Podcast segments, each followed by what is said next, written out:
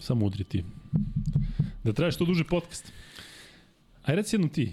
Dobro reče, dragi gledalci, evo nas u 100, 70 i 78. podcastu. 178 podcastu, znaš sve. Ponovo Kuzma. sa vama, Luka Kuzma i još ozbiljan broj ljudi iza kamere koje ne vidite trenutno. No što ne uključiš Instagram live pa da svi pređu na Instagram live da vide šta se tamo dešava. Može i tako, čoveče. E, Sad ću dobro ja, samo ti kreni da pričaš.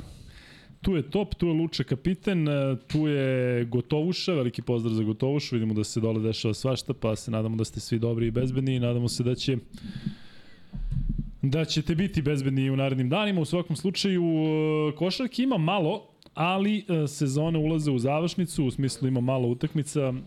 Pa ne, možda ne sme da se snimaju. Ne, ne, ne, da vas ne snima Kuzma. A? Nemoj, nemoj, nemoj, nemoj. Nemoj da okrećeš tamo. Snimaj mene, sve vreme snimaj mene. Sve vreme, samo mene snima. Tako da eto, Instagram live i ovaj drugi live i svi live-ovi na svetu, tu smo da pričamo o košaci i da pričamo o ABA ligi, da pričamo o NBA ligi, to će naravno biti fokus, znate da Euroliga i Eurocup da su uliko završeni, tako da ćemo se malo možda okrenuti ovim eh, prvenstvima eh, domaćim, odnosno ligama koje se igraju, koje takođe ulaze u samu završnicu gde se igra uglavnom play-off, tako da eto, budite sa nama i dalje. Imamo dosta nekih saopštenja za vas, ali eto, Kuzma će sada kada spusti ovaj njegov telefon da. Pa si hteo live? Hteo sam live, ne, pa dobro, daj meni, držit ću, ja suđu tebe da snimam. Ne. Kuzma će da kaže nešto o ovim njihovim pajtosima koji su dobili meč protiv Rakovice. A malo sam te sad zeznao. Koji pajtos? Niti Pajtosa, niti Rakovice, ali imamo nagradnu igru. Ne, danas sam 160 imena isek ovde 160. i trajalo je od pola sedam do, do jedva da sam stigao. Eto vidite. Malo smanjite to pogađanje. Za malo da zakasnimo zbog njega. Jeste. Ako neko bude malo isečeno, onako ukoso, nemojte zameriti, pošto je bila opšta nervoza ovaj, da to sve, svuda kamera, da to sve postignemo. U svakom slučaju, 160 imena je u čini, tri izlačimo, izlačit ćemo čim pre. Imamo Knežak se javio, I Knežak imamo. Knežak se javio, dva Knežaka za dvoje, jedan za četvoro, malo šaraju. 1 4 2 2. Hvala I Vladi koji eto, to je donira. to. I imamo I sad me ugasi da mogu da, da završim. Ne, ali ovde nam raste brže nego ovde, tako da znaš. Imamo veću gledanost. Ne, na- u stvari sad ovi prelaze sa Ajde sad si Instagrama, kuće, ajde sad si da. kuće gledati. E, zagasimo Instagram, sad će Kuzma da ugasi Instagram i samo se okrećemo normalnom uh, podcastu. Lima je tu, Lima pita Boston ili Miami, pričat ćemo Lima sa Miksom, ja da čekam da pričamo o NBA ligi zato što je ta serija došla do sedme utakmice, kao što sam rekao, ono je bilo kako si Luka promašio kada je 3 za Miami, a sad nema tih što priča da sam promašio. Sećate se Miksa, sam rekao sedam meča. Ja smo rekli da dobija Boston 4-3. To što je bilo 0-3, što će se ispisati istorija, nema šta, ja sam 0-3 sam rekao da će biti ovako. Miami dobio lagano. E, seckamo, ba da, ovaj voli da Minnesota dobija. E, hvala Limi, hvala Vladi još jednom, ali ono što je što su mnogi zborili što me drugo podsjetio, kaže brate, gledam vaše podcaste, samo kasnim uvek i onda ovaj onako po 4 5 pa i više podcasta unazad. I kaže da sam izgovorio potvrdi to, ja se sećam, ali mora mi tvoja potvrda. Nećem 100%. Ne, da. Neću se ni ja sećati. Ajde, ajde, Ovaj, ajde, ko je, ko je? Reci. Da sam rekao da će matorci iz Reala da provociraju i da ne trebaju da nasledaju Partizanu i na provokaciji. Jesi. I šta se desilo u drugu utakmicu? A ćeš da ti ispričaš šta se desilo? Pa ne, kažem ti, zaboravio sam da sam ja to rekao, nego znaš, toliko Jes, sam, jes, ovaj, jes. toliko me to Stvarno sve to jes. šokilo, ali rekao sam jedno šest puta, kaže Šest, drugar, put, brate, ti ovaj, šest ili sedam puta. ali kaže da sam da sam ovaj ciljao Rudija i da sam rekao Rudi će to da radi, ali da Pa sam te Rudi da- šokirao onim mirovanjem na klupi. Da, da. Ovaj E, Nemanja Cvetković pita Luka šta misliš da li je Bostonu potreban centar da bi napokon uzeli te prste, nadam se da neće uzeti Boston prsten u jednoj varijanti, nadam se da će igrati finale, ali ovaj Williams je dobar i Horford je dobar, iskreno meni se više čini da je problem u Majamijevskoj centarskoj liniji, ali pričat ćemo o tome. Evo i Sale kaže pozdrav svima, posebno braći na Kosovu, zaista se nadamo da će se situacija smiriti, a prilično je onako pipava.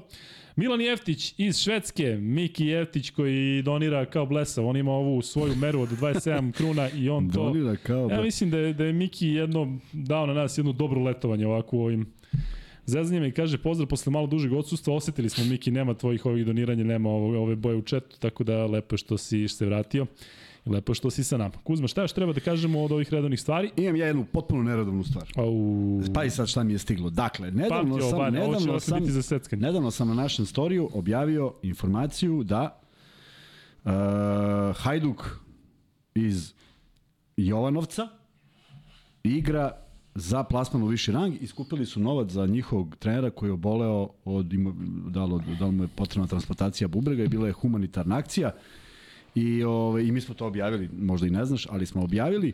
I danas mi se, sad mi piše Ika iz Jovanovca i kaže Hajduk je u višem rangu. Fantastično. Jedna futbolska vest u košarkaškom podcastu. Svaka čast, momci. Nadamo se da ćete nastaviti tako, zato što glupujući u viši rang je onda ništa. Nego sad polako graditi neku dobru priču u tom višem rangu. Verujem da je to ideja. Um, da, imamo još dosta stvari pre nego što krenemo sa košarkom. Dakle, ovo ćemo izlačiti tokom uh, vas troje, od vas 160 ćemo izvući za za Zlatibor. Imamo i novu nagradnu igru i sada ja mogu da pošaljem uh, link pa da se ubaci tu, a hoće to moći? Ili treba da Ne. zovemo pomoć? Moći, a? Sad ćemo da vidimo. E, sad ću ja da pošaljem tamo na ovu grupu, pa sa grupe ovo, pa sa grupe ono, pa da se stavi tu miksa ti ako ovaj, nešto tu zatreba ti pomozi. Ali u svakom slučaju, Kuzma, ti možeš da kažeš gde smo mi proveli juče dan. Da, to je jedna ovaj, opet lepa priča i drago mi je što smo učestvovali u tome. Drago mi je da je prošla kako je prošla. Naime, američka ambasada je rešila da stogodišnicu košarke u Srbiji proslavi sa košarkašima u kolicima. Tako da su se najavili i pojavili u Košutnjaku, a naravno priređena je utakmica u njihovu čast, eh, Singidunum Crvena zvezda protiv Sokola. I ono što je ovaj, eh, obeležilo posebno, to je prisustvo Taj Williams, Taj Franklin Williams ili Taj Williams Franklin, bivše NBA košarkašice, mislim da je osvojila neki prsten u da je osvojila čak i više i to možda čak i s različitim klubovima. više prstenja, 52 godine ima koliko sam ja uspeo da shvatim. Da. I momak kojeg možda bolji poznavaoci košarke prate, ovaj poznaju, a siguran sam da ima među onima koji nas prate e, tih koji to znaju, Isaiah, Toma, Isaiah Austin, Isaiah Thomas, Isaiah Austin koji igra u FNP-u i morao je da prekine karijeru zbog problema sa srcem, tako biš? E, da, malo je dublja priča. Ono što smo razgovarali, on je i posle koleđa, posle Baylora je morao da pauzira dve i po godine, zašto ima Tako onaj sindrom koji imaju igrači koji su visoki preko 7 fita, 7 stopa, um, gde imaju uvećeno srce i zna da, Da, bude da, opasno. I onda tako mu je je. doktor rekao, sada da ne trenem, međutim, on je posle dve i po godine pauze, posle koleđa, došao u Počeo FNP. ponovo, da. I doktor mu je rekao, imaš pet godina, je možda tvoja neka mera, pa da, da budeš siguran. I posle pet godina mu je rekao, nisam video da je ovo bilo šta napredovalo, ali možda bolje za tebe da, da prekineš. I on je sada u okviru NBA-a, u okviru, Ambasador, da. Tako je, oni su tako i došli do... Tako do, je, do, tako je, tako su došli do nas da. i naravno okušali su se u košarci u kolicima, bilo je spektakularno smešno i zabavno. E, Ljudi koji su ceo život i celu karijeru šutirali i, e, iz jednog položaja, sada su pokušali da šutiraju iz kolica i dok nisu ušli u fazon bilo je onako potrajalo, ali je bilo, bilo, bilo vrlo interesantno i što je najvažnije, momci koji su bili i koji su igrali su oduševljeni i komunikacijom i druženjem i nekim planovima za budućnost i onda se nadam da će neke te stvari da se pomere sa, sa nulte tačke, nisu, nisu bile toliko loše ovih prethodnih pet godina, ali uvek, uvek može bolje. I ono što je najbolja fora, danas je Ćirković Željko iz, iz, iz Singidunuma dobio ponudu da se poklanju jedna sobna kolica. I sad stvarno razmišljamo da li je to zbog svih ovih vesti koje su bile unazad nekoliko dana, ali eto neka reakcija ljudi, običnih ljudi koji su uspeli da primete šta se dešava, verovatno gledajući te neke emisije i e, raznorazne projekte u kojima oni učestvuju. U svakom slučaju lep dan, meni je mnogo drago što si i ti bio i što smo zabeležili sve to i što se nastavlja sa tim ovaj, sa tim projektima i nadam se da će uskoro biti neki konkretnih rezultata. Zveki nismo gledali Pistol Pit, naravno da je film uh, o Pitu Maraviću, tebe ako nisi ogledao, pozivam da ogledaš naš podcast o Pitu Maraviću, naš specijal, koji smo radili tek kad smo počeli, to je mislim da je bio čak decembar uh, 2021. jedan od naših prvih podcasta. Veliki pozdrav za novo mesto iz Slovenije. Kaže, da li dolazimo u Ljubljanu da se družimo sutra? Ne dolazimo, zato što nismo ovaj, uspeli da prikupimo novce za, za ovo putovanje, ali e, veliki pozdrav za novo mesto gde sam ja u mom jako kratkom boravku u Krki zaista uživao. Nešto što sam doživeo u Americi, doživeo sam ovde u regionu, u novom mestu, to da idem ulicom da, se, da mi se svi javljaju. I studenti i oni stari ljudi koji iz tvojih dvorišta mašu. Sećam se onog malog ovaj, e, onog centra koji je baš, baš onako možeš, e, ja mislim da staje sve u 20 metara prečnika, bar je tako bilo i sećam se naravno Leon Štuklja dvorane koja je jedna od manjih u ABA ligi i eto vidjet ćemo Krka se vraća u, u ABA 1, ili tako? Da. Pa će biti zanimljivo da opet pratimo. Malo sam se razočarao što-. Što je Borac završio sezonu. Završio da. na KLS. A mi smo imali plan da idemo do Čačka nekim povodom koji bi mogao da bude utakmica. Jeste, da, to nam malo, malo nam e, to menja neke planove, ali uh, ne menja to da ćemo otići do da Čačka, ne znamo kada, da. tu je validirani tekst koji kaže pozdrav momci iz Kosovske Mitrovice, situacija je napeta, ali nećemo niđe.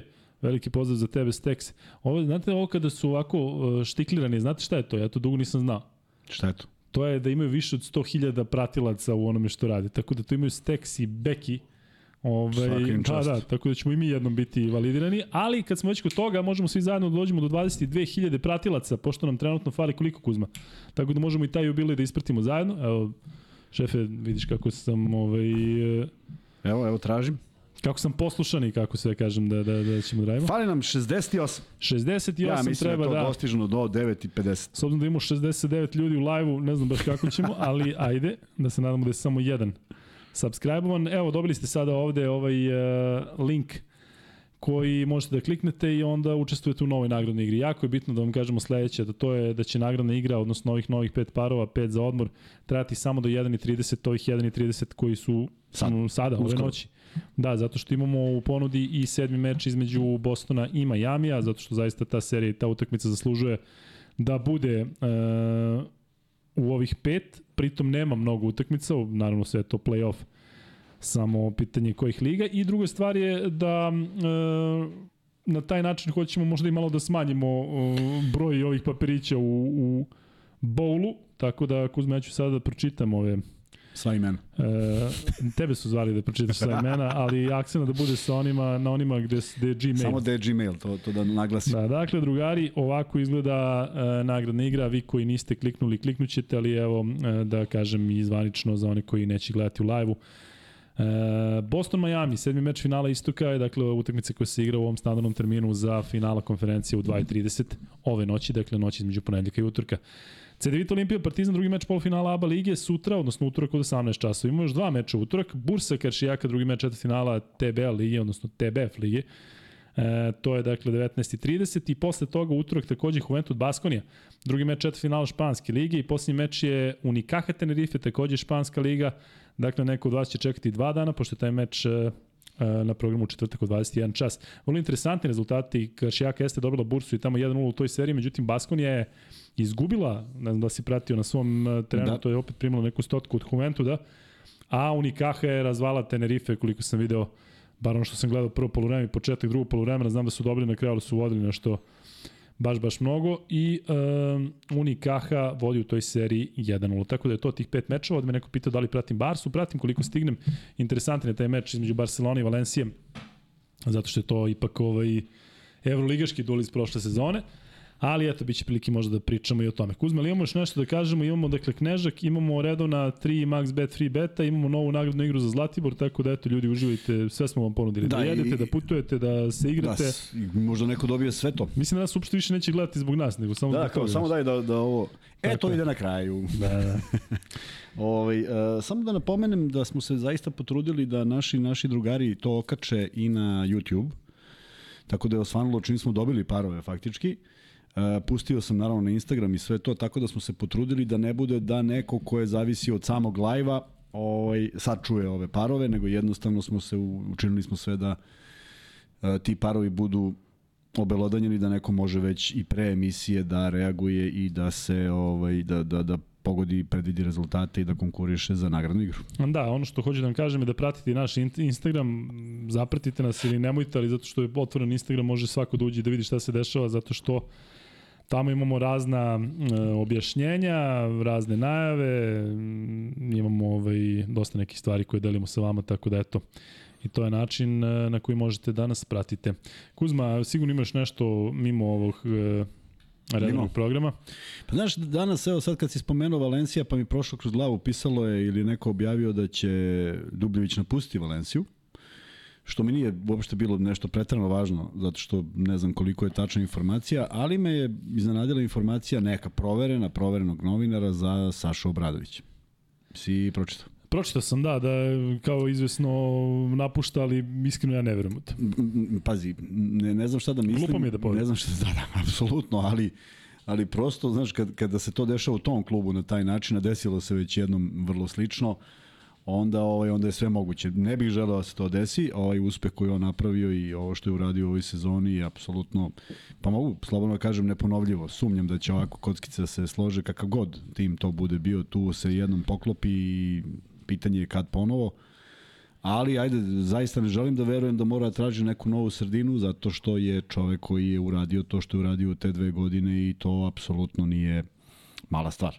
Prema tome, Ja iskreno ne želim da verujem, ali se nadam da je to tačno, zato što sam siguran da će on naći angažman i nadam se da će ga naći u nekom klubu gde će moći da radi uh, tako da bude on više svoj. Ma znam, ali osetiš se, Znaš. osetiš se loše, ne može, ti, ne može to da bude da ne, ne, nema posledice, nije to odlazak iz nečega. Nego... se slažem, ali kažem ti vidim da je taj čovjek dao tamo sve od sebe, da je on najzaslužniji za Da, ovo. Ako se to toga. tamo ne ceni i treba da ide, sigurno sam da će naći jako brzo evroligaški e, angažman i da će to biti e, Evo, ovo je pravi sad link za nagradnu igru, nešto tu bilo za, zapelo, a?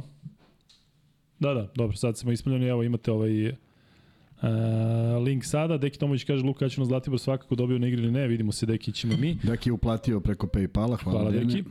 E, inače, Kuzma, što se tiče Saša Bradovića, um, da li misliš da to, evo, kada već pričamo, ima veze sa direktno Mikeom Jamesom, zato što znamo da je on taj koji tamo vedri oblači. Čudi me da ne pominju da će on da ide, već da će možda Saša Bradović da ide. Ali, ja kažem, treba se uzeti sa, sa rezervom. Sve uzimam sa rezervom, naravno, ali kažem, stradao je jedan trener, e, ne verujem da će biti poslednji, a ne bih volao da to bude Obradović, apsolutno, prema tome e, ne želim da verujem da je istina, ali kad se pojavi takva vest i sad, naravno, ne znam ko je to preneo, ali otprilike renomirani novinar i tako dalje, koji ne greši, Videli smo svašta u prethodnih mesec dana, niko nije pogrešio ništa, apsolutno ništa nije desilo od svega onoga što je pisalo, tako da m, zaista mislim da ako ima neke ne mogu kažem pravde, to, to više ne postoji, to ne znam koliko to uopšte mislite na tome, nego jednostavno da neko zaista ko odlučuje tamo shvati šta je ovaj čovjek uradio i koliko energije potrošio i dokle su došli i da to jednostavno ceni, ništa više. Ne mora ga voli, uopšte ne mora da ga voli, ali bi trebalo da to ceni. Nikad nisam tražio da me nešto preterano vole, ali da cene i da poštuju to što radim, to mi je uvijek bilo na prvom mestu. Dobro, ja kažem još jednom, uh, možda zavisi i od ovog uh, ishoda francuskog prvenstva, gde trenutno je Monako u seriji protiv Burga, ne znam, ako on uh, je bio na bukvalno jednu četvrtinu od finala Euroligi, ako osvoji francusko prvenstvo i uzme titulu Život to Asvelu, nešto menja. Pa valjda bi trebalo da promeni, zato što taj koji dolazi, ne znam koji su njegove onda ambicije, dupla kruna, Euroliga i francusko prvenstvo, to je prilično nerealno. Da, realno nije. Da, tako da ovaj, ja kažem, ja potencijalno želim da vidim uh, Sašu Obradovića u nekom timu gde će imati jednake mogućnosti što se tiče nekog budžeta i, i toga da se pokaže, a da neće biti takav pritisak zato što Monako uz dužno poštovanje i zaista uz poštovanje njihovog rezultata ove sezone ipak deluje kao neozbiljna sredina ako znamo šta se desilo sa Zvezdanom Mitrovićem, ako znamo um, šta se dešavalo ove sezone, opet na toj relaciji Mike James trener, E, u svakom slučaju, pored toga oni su uspeli da, da naprave to što su napravili. Ja iskreno da ti kažem sam pomislio da možda klub gleda, da iz Monaka gledaju ono što se desilo u Pioniru, kada je on uh, onako prišao i kada je poljubio grb, da je možda neko tada, kad kažem neko, mislim ovaj vlaj, vlasnik Rus ili Ukrajinac, šta god da je, da je možda rekao, pa čekaj, ipak je to nepoštovanje možda ovog našeg kluba, pa ćemo to da ti zapamtimo. Zato što to, recimo da je uradio bilo koji drugi trener odavde, da je sad neki trener Partizana i Zvezde, ne moraju da budu ovi treneri, da je otišao u bilo koji drugi klub i da je stao na centar i da je poljubio grb, mislim da bi mu bar navijači zapamtili ili barem bi se gledalo neko, pa čekaj, u čemu je problem posebno što je Monako izgubio tu utakmicu ovaj, jako Misliš da je Šarunas to uradio, da je trener Zvezde, da bi mu neko zamerio u Barceloni? Mislim, Pa moramo, moramo postavimo tako, moramo postavimo tako. On se vratio Šarunas. kući, on se vratio kući. Da. On se vratio kući sa jednom težinom koja je postojala jer je bio. I to moraju da znaju neku predigru, sigurno moraju da znaju šta se tu desilo. I znaju koliko je bilo teško i tome se sigurno pričalo. 100% se pričalo o nekom putovanju u Beograd i kako će to da prođe i sve to. Tako da, ne kažem da je da je mudar postupak, ali je baš delovalo kao potpuna emocija i Apsolutno, ne, ne verujem da je neko sad tu uzeo nešto za zlo. Ne vidim da je pokazao nepoštovanje ne nešto što je svaki, svakidašnje uobičajeno, ali mislim da je samo teo da skine sebi neki teret iz prostog razloga što ljudi koji su ga angažovali sigurno su, nadam se da su pratili njegovu karijeru do, u određenom momentu, nije on bio u Zvezdi pre 20 godina, nego vrlo relativno skoro, prema tome znali su da nešto tu postoji i ja mislim da bi, da, da bi da, ako su to neki ljudi koji imaju malo ovaj kapaciteta shvatili da je to bilo čisto onako baš emocije radi jer je jer je on jeste simbol zvezde. Mi možemo da pričamo o igračima ovakvim i onakim, ali reprezentativac Jugoslavije Absolut. je bio Saša Obradović. Pre svih. E, Neša Ilić u Bormiju, je tako, do 21. godine? A nešto se čuje, nešto peva, to odade od nas ili? Moguće da je kod nas. A? Ne znam. Možda neko upao u program. Uh, I onda imaš faktički uh, Saša Obradovića, pre njega imaš 90. godine 90. godina imaš Radovića, I, da. imaš Zoki Jovanovića 90. u, u Argentini. Sledeći, jedini zvezdin igrač koji igra, ako ja se ne varam, 90. godina je Saša Obradović. I posle ide Milenko Topić. Kuzma, čime bi se vodio da imaš toliko para kao Monako neograniče neki budžet da te Euroliga tako prigrli um, obe ručke i da ono, prve sezone igraš, oni ti sledeći kažu sad ćeš da igraš i dalje, duše ti to opravdaš i budeš na Final Fouru.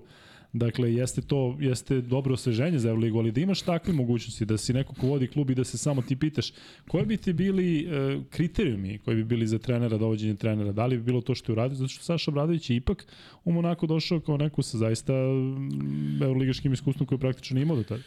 Da, ali ja ne, mogu, ja ne mogu da znam, ja ne mogu, zaista ne mogu da znam ko, ko se bavi time, ko je, ko je glavni čovjek. E, koliko poznaje, koliko voli, koliko je to bilo ajmo promociju ili je koliko je to bilo zaista iskreno. Dakle, Vatutina kojeg smo upoznali kroz CSKA, shvatiš da bi on živo dao za uspeh CSKA i ne pita koliko košta. Ovde ako postoji, a na zapadu nekako više postoji to, ta matematika koliko šta kako, dosta može, dosta može da zavisi od samog tog nekog pristupa, zato što uh, Ovo je velika investicija, prevelika investicija za jednu netradicionalno košarkašku sredinu. Dakle, ja bih volao da ona postoji zato što uvek se radujem. Više čovjek voli košarku nego ragbi. Mogu bi da instalira neki ragbi klub koji me ne bi mnogo zanimao. Ovako mi je super. Ali je pitanje koliko to traje i pitanje koliko to zaista nešto može da vrati u imidžu, u popularizaciji košarke. Teško je tamo popularisati košarku. Složit ćeš se, nema ni jedan Pa ne teško tamo popularisati ista sem, pa, išta sem kocki, eto, pa je, F1 pa je to, dakle, tradicija. Nije to sad kao za neku omladinu koja gleda pa će zavoli košarku pa će postanu košarkaši. To teško je će se desiti. Da, ali, uh, znaš šta, evo ovo što ti kažeš, zašto recimo onda imamo problem sa Dubajem, a nemamo sa Monakom, osim što je geografski ovo Europa, samo, ovo nije. Samo zato. Pa tako? samo zato imamo problem. Da, zato što je ovo, kažem, ja ne ista priča, u smislu lova, neki grad koji živi od da, nekih svetala. Da, Concord i dalje leti, ne bi imao problem ni sa, sa Dubajem. Bilo bi Dobro. to za sat i po dva i to je to. E, Luka hoće gledati šta misliš noćas ko dobije Boston ili Miami, gledat ću sigurno, mislim da dobije Boston, rekao sam da dobije Boston 4-3, ali otpisivati Miami apsolutno ovaj, uh, suludo, jako su izgubili 3 za redom, ali videli ste koliko tu ima i faktora sreće, iskreno jako se radujem duelu Butler-Tatum, da vidim kako će jedan i drugi da se pokažu u sedmoj utakmici, zato što Iskreno mislim da se u košaci u NBA ligi, ajde da sada budem konkretan, mislim da se sve svodi na te sedme utakmice. Dakle, tamo se sve pokaže, tamo nemaš ništa da sakriješ, jednostavno kada nemaš popravni, onda je to to. Očekujem da utakmica ne bude lepršava i da bude na veliki broj poena, da će se onako krvavo boriti za svaki koš i volao bih da bude na jednu loptu zato što to daje posebnu draž, pa ćemo tamo negde oko pet videti šta i kako. Uh, Mikse i ja planiramo da e, barem e, početak NBA serije radimo uživo, vidjet ćemo kako će se to odvijati i dalje, ali eto, možemo već sada da najavimo da postoji ta ideja da se NBA finale u kojem će Denver igrati ili protiv Bostona ili protiv Majamija da se prati uživo, dakle bez obzira što su te ti noćni termini i Mikse verovatno bi onda išlo i na ovaj vaš i na naš, ili tako u smislu ne? Samog na naš, dobro. Tako da, ovaj, eto, na Luka i Kuzmu bi trebalo da gledamo, a ja radim na tome da dovedem Kuzmu ovde da sprda NBA ligu, dok ja ovaj, ozbiljno gledam, onda se ja sprda. Da. Čoveč. Tako da samo treba malo da promeni ovaj svoj um, ritual, on posle podcasta Ode tamo malo izbleji na, na terasu. Provodim na trening s Miksom. Malo, da. Dva i po sata, tri. Izbleji na terasi. E sad samo treba prvo da izbleji na terasi u istom tom terminu kao i posle podcasta i posle toga da krene vamo. Malo izblejimo teretani, malo izblejimo u Ti bi rekao, da, rekao mi čovjek samo blame nešto. Ne, ali znaš šta, treba sad... Šta sam ja danas sve uradio? Jel smemo, bili smo sa Amerikancima juče, bit ćemo, da ne pričamo sada, ali bit ćemo opet, pa treba tamo da te nateram da se pred njima onako zakoneš na Bibliji, da kažeš, evo, sad... Dolazi delegacija iz Kolorada. Tako je, da, evo, do, I donose, obećao. I donose robu sa sobom. Ali bez zezanja istorija se piše, dakle ovo što Jokić radi je već e, samo po sebi sve što radi je onako e, za pamćenje, ali ta serija finala, ja kažem, jedva čekam. Jedva čekam. E, ne volim inače kada ovako navijam za reprezentaciju ili kada navijam za, za neki klub, e, generalno razmišljam o tome da se ova i druga ekipa istruši, pa da onda istrušeno dođe. Ne, mislim da to ovde volio bih da, da budu u punoj snazi i Boston i Miami, sigurno što će biti potrošeni. Ta serija počinje već prvi na drugi, tako mikse, dakle to je četvrtak na petak, da, posle onog našeg sledećeg podcasta, tako da neće biti mnogo vremena ni za slavlje, ni za odmor, ovih koji prođu ove noći, ali gledamo samo Denver i gledamo Jokića i radujemo se, radujemo se njegovim popom. Ima, ima sedam utakmica se igra u finalu NBA još neće početi finale, finale ABA ligi. Počet će, nemoj tako Kuzma, nemoj biti tako na kraj srca. Neverovatno šta su napravili. Da, vidio si KLS, dakle, zato možemo malo da krenemo u stvari od KLS, dakle, vidite da je ovaj, kako u generalno komentarišeš taj sistem takmičenja, A i B grupa, idu odmah u polufinale i onda tamo ovo finale, Zvezda, Sad, pošto sad, Partizan ne, ne igra direktno u potpuni, da, sad je potpun, potpun paradoks, da. Sad da. Zvezda ide direktno u finale zato što nema drugog polufinalista. Tako je. Krajnje neobično, sastaju se, u stvari sastaju se pobednik susreta FMP OKK Beograd, to je utakmica u sredu koja je vrlo Jeste. interesantna, pozivaju nas da gledamo, da gledamo i Topića i uopšte gledamo taj uzbudljiv susret. Uh, I onda oni igraju međusobno, verova, neverovatno, sigurno igraju s Megom koja je prva u onom drugom, u drugoj grupi i to je to. Nažalost, tako izgleda okrnjeno. E, mnogo ljudi je poslalo poruke, pita šta s Partizanom, ja zaista nemam neki odgovor šta će biti, da li ima konsekvencije, da li treba da bude, ili da li to neko kontroliše, ili da li to nekog zanima u krajnjem slučaju. Meni je krivo što ne postoje ti susreti, meni je krivo što ta ti mladi igrači nemaju prilike da se okušaju sa e, igračima Partizana, kada se sve sabere, kada se sve sabere učešće, učešće u KLS-u je minimalno, zar ne? Apsolutno najminimalnije moguće. Najminimalnije moguće. Ali to smo i tražili Kuzma, tako? Mi smo pitali šta će je, biti, ne, jesmo zašto će tražili, da traje jesmo u tražili, jesmo tražili, naravno, ne kažem, ne kažem da treba bude duže, ali sad odbiti ga sa četiri ili pet utakmica je nekako nije važno. Svako ima pravo da donese te neke odluke iza kojih treba da stoji i e, kažem, meni je krivo zbog košarke, ne sećam se, pratio sam košarku mnogo godina, priča, pričali su mi o 60-im, o 70-im, o, ovo se nikad nije desilo. Bar ne ja da, da ja znam da je neko tog kalibra i na taj način jednostavno diskreditovo takmičenje, ja kažem, da li ono donosi, da li ne donosi, ako ništa drugo, ti neki momci su zaslužili da oni overe svoje sezone, bio je predsednik Partizana, iznao je svoje stave, mislili smo da će oni da se promene u toku godine u smislu da će da se neki kompromis naći, ne znam gde je zapelo, nije mi, kažem, nije mi jasno, ali valjda će neko nekad i da objasni, a možda i neće. Što je sad prestao taman kad sam uzeo gutlje. Ziseko pa- da, da se čuje E, kako to ja malo pijem ja vodu. tebe, tako. Um, ovako, što se tiče e, nagrada, od čega hoće da krenemo Kuzma, pa da, da već Ajmo krenemo prvog, izlači. prvog, prvog dobitnika, kako smo rekli šefe, nesrećnog dobitnika da. za Zlatibor. Može, a? Može. Čekaj. Ispade ovaj. Koliko si to seckao danas? Znači dva sata. jel? 160 komada, čoveč. Pa ti ne možeš da veruješ šta je to. Nije čudo što snimaš ovde, snimaš, snimaš. Kaže Roki Nikolić, Kuzma ima nevjerojatno pozitivnu energiju, Milina je slušati te. Evo ga. Ove, Hvala, Roki. e, Roki, Kuzma inače sad nervozan, zamisli kakav je kad nije nervozan. Evo ga. Neko naš. Šta kaže? Jel vidiš tamo? Lukas Pasovski nije. Nije, nije, moram ga naštelujem. Malo napred, malo nazad. Evo ga. Evo ga. Jasmin Petković, jp, gmail.com. Džale, ti si stvarno sretni dobitnik zato Svaka što ti čast. Izvući Još od... 159. Koliko je to? 160, znači to ti je koliko? 0,62%. 0,62%. E, Luka, koji bi igrače volio da vidiš u sledećoj sezoni u Partizanu? Volio bih da vidim povratnike, nešto sam pre neki dan e, komentarisao sa drugarima, isto bih volio da vidim i u Zvezdi, da se vrate poznate imena, da se vrate imena koje se ovde osjećaju dobro. Kuzma je često govorio o tome kada mi pričamo i tako maštamo ko će da dođe, pa vidite da svi pominjamo Milutinova, Milutinova na pragu da se vrati u Olimpijakos. Ali Kuzma rekao možda ti igrači ne žele da se vrate ovde zato što im možda u ovim fazama karijere ne odgovara da se u, Tako je. Tako ubace je. ovaj, Ima- u taj stari ritam, razloga, tako da jest. sigurno ima svega i svačega, ali ja kažem, ja sam uvek e, za te proverene e, priče, zato što Luka Mitrović kada nam je bio gost, on je rekao e, otišao sam iz Zvezde kada sam se vratio posle nekoliko godina sve to isto. Se slični vratio slične se u- akcije, sistem, poznam Ali to, ljude. je, to se po, desi. Da. Milutinov kad se vrati nema da, da prepozna bilo šta.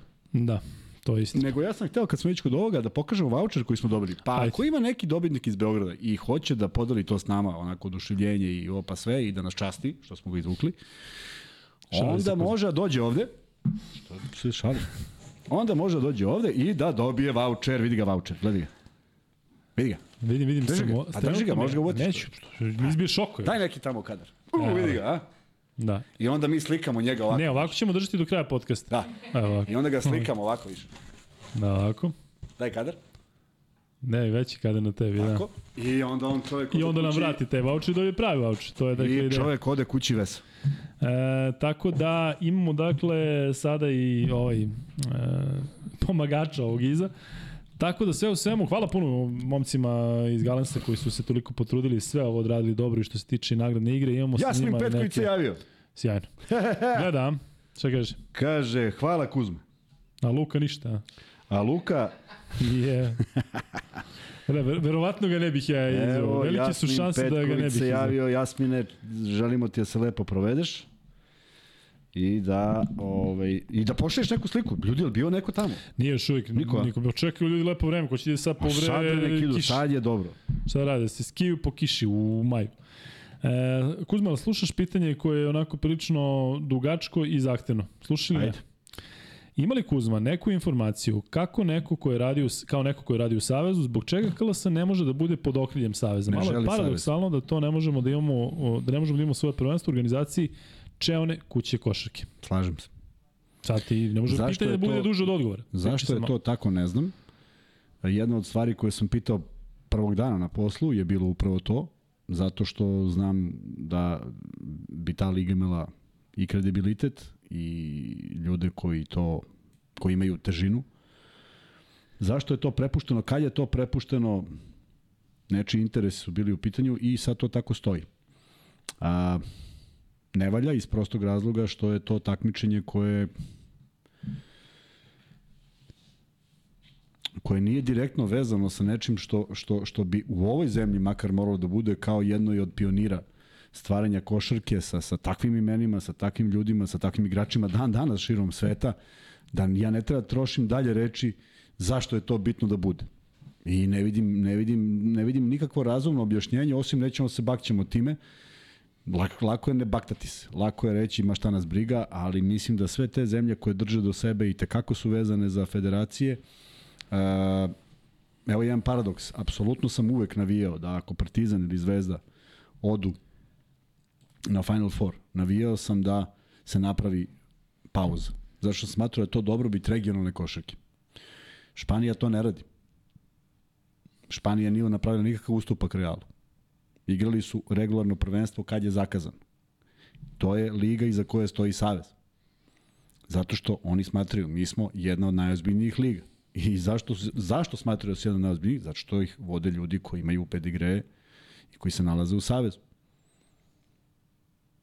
Ne misliš? Ne, mislim da tamo postoji sukob između Bartomeova i tog saveza da su ovi rekli nas ne zanima to što ti radiš, sad će mi da radimo da je to ostalo Ma, tako. možemo. Pritom oni imaju četiri Euroligaša i kada bi recimo tri se plasirala na Final Four, ti bi morao celu ligu da promeniš i izgled i neće, sve. tako je, i oni to onda neće rekli raditi. mi nećemo da, da, da, Slažem se, da ovo po- mešamo jedno s drugim. ali- a kod nas koliko dugo... Slažem se, ali ni, pa, ni, ni italijani nisu pauzirali. Ni Armani nikad nije pauzirao.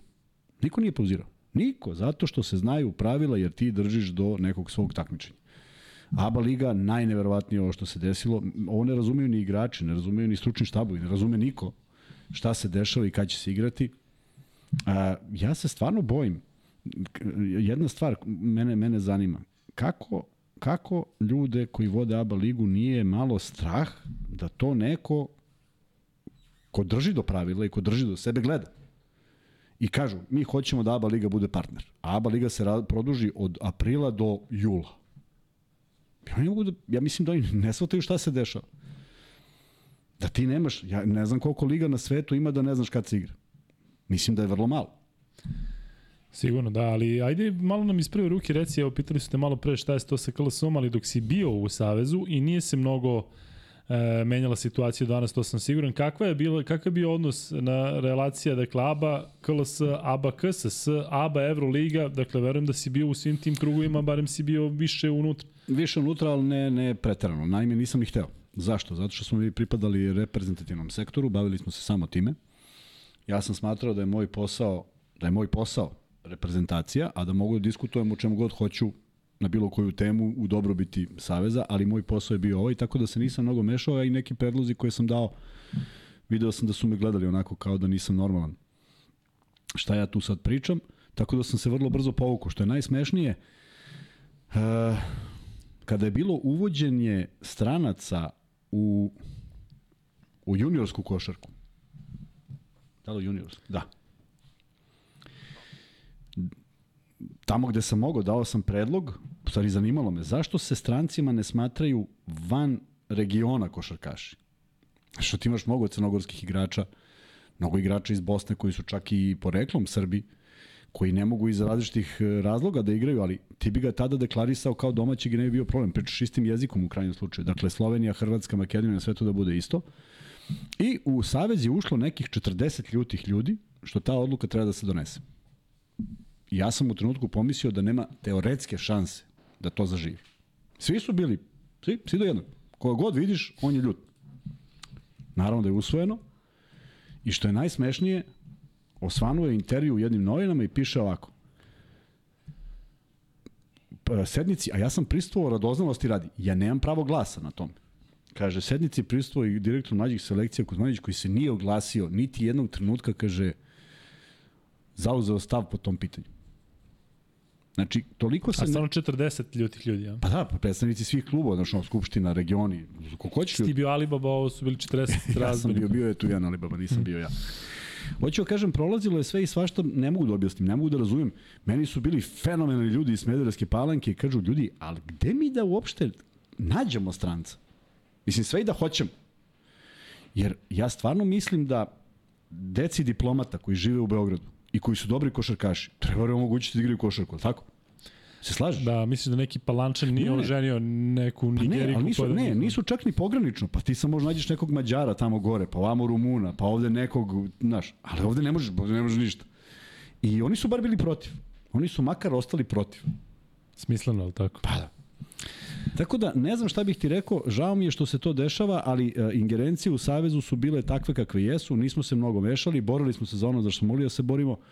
Mislim da svi ljudi s kojima sam sarađivao u Savezu, njih 98% su znali ovaj, šta radimo, kako radimo i, i koji nam je smer i mislim da su neke stvari od tog perioda i ostale, ali prosto nije, nije valjda ni to dovoljno. Tako da mi je žao što sam otišao, sam ja bio ubeđen da taj posao odlično radi. I, Ali, i danas mislim da ga dobro radi. Ovo je misliš na podcast, jel? Ne, mislim, i dan danas mislim da sam ga da dobro sve radio. dobro radiš. Da. U sve, ja inače sve dobro radim. Ovo izločiš o Jasmina. Da, vidio, vidio. E, Kuzma, mi ovde stalno nešto kritikujemo i sve, ali zaista ajde da ponudimo i neko rešenje. Sada ajde. mi kada, pošto stalno kritikujemo pre svega taj raspored i kritikujemo kako nema dobre e, nema dobre komunikacije između ovih bitnih košarkaških institucija i saveza, E, šta bi bilo rešenje? Sada se pitamo ti i ja i da sutra imamo sastanak i da možemo da rešimo sve. S čime bi ti izašao kako da rešimo, dakle, ovaj recimo pitanje rasporeda? Stalno pričamo o tome kako FIBA, FIBINI prozori rade to što rade. Znam da, da je generalno priča da bi trebalo da bude manje utakmica, ali na čemu da bude fokus? Dakle, da li fokus da bude na ABA ligi ili na domaćem prvenstvu? Da li da se bude samo domaće prvenstvo? Mi smo nekoliko puta to ranije iznosili kao opciju koju bi volili da vidimo da su neki košarkaški centri ponovo aktivirani u Srbiji, A ne da gledamo evo, Zvezdu Partizan i ja. Evo ga. Hoćeš odmah rešenje? Ajde, vidim da si razmišljao o tom. Pa ja razmišljam o IHH odavno. Samo o tom. Evo, vrlo prosto. Postoji ABA liga. Nema nacionalnih šampionata. Nacionalni šampionati se zovu ABA 2.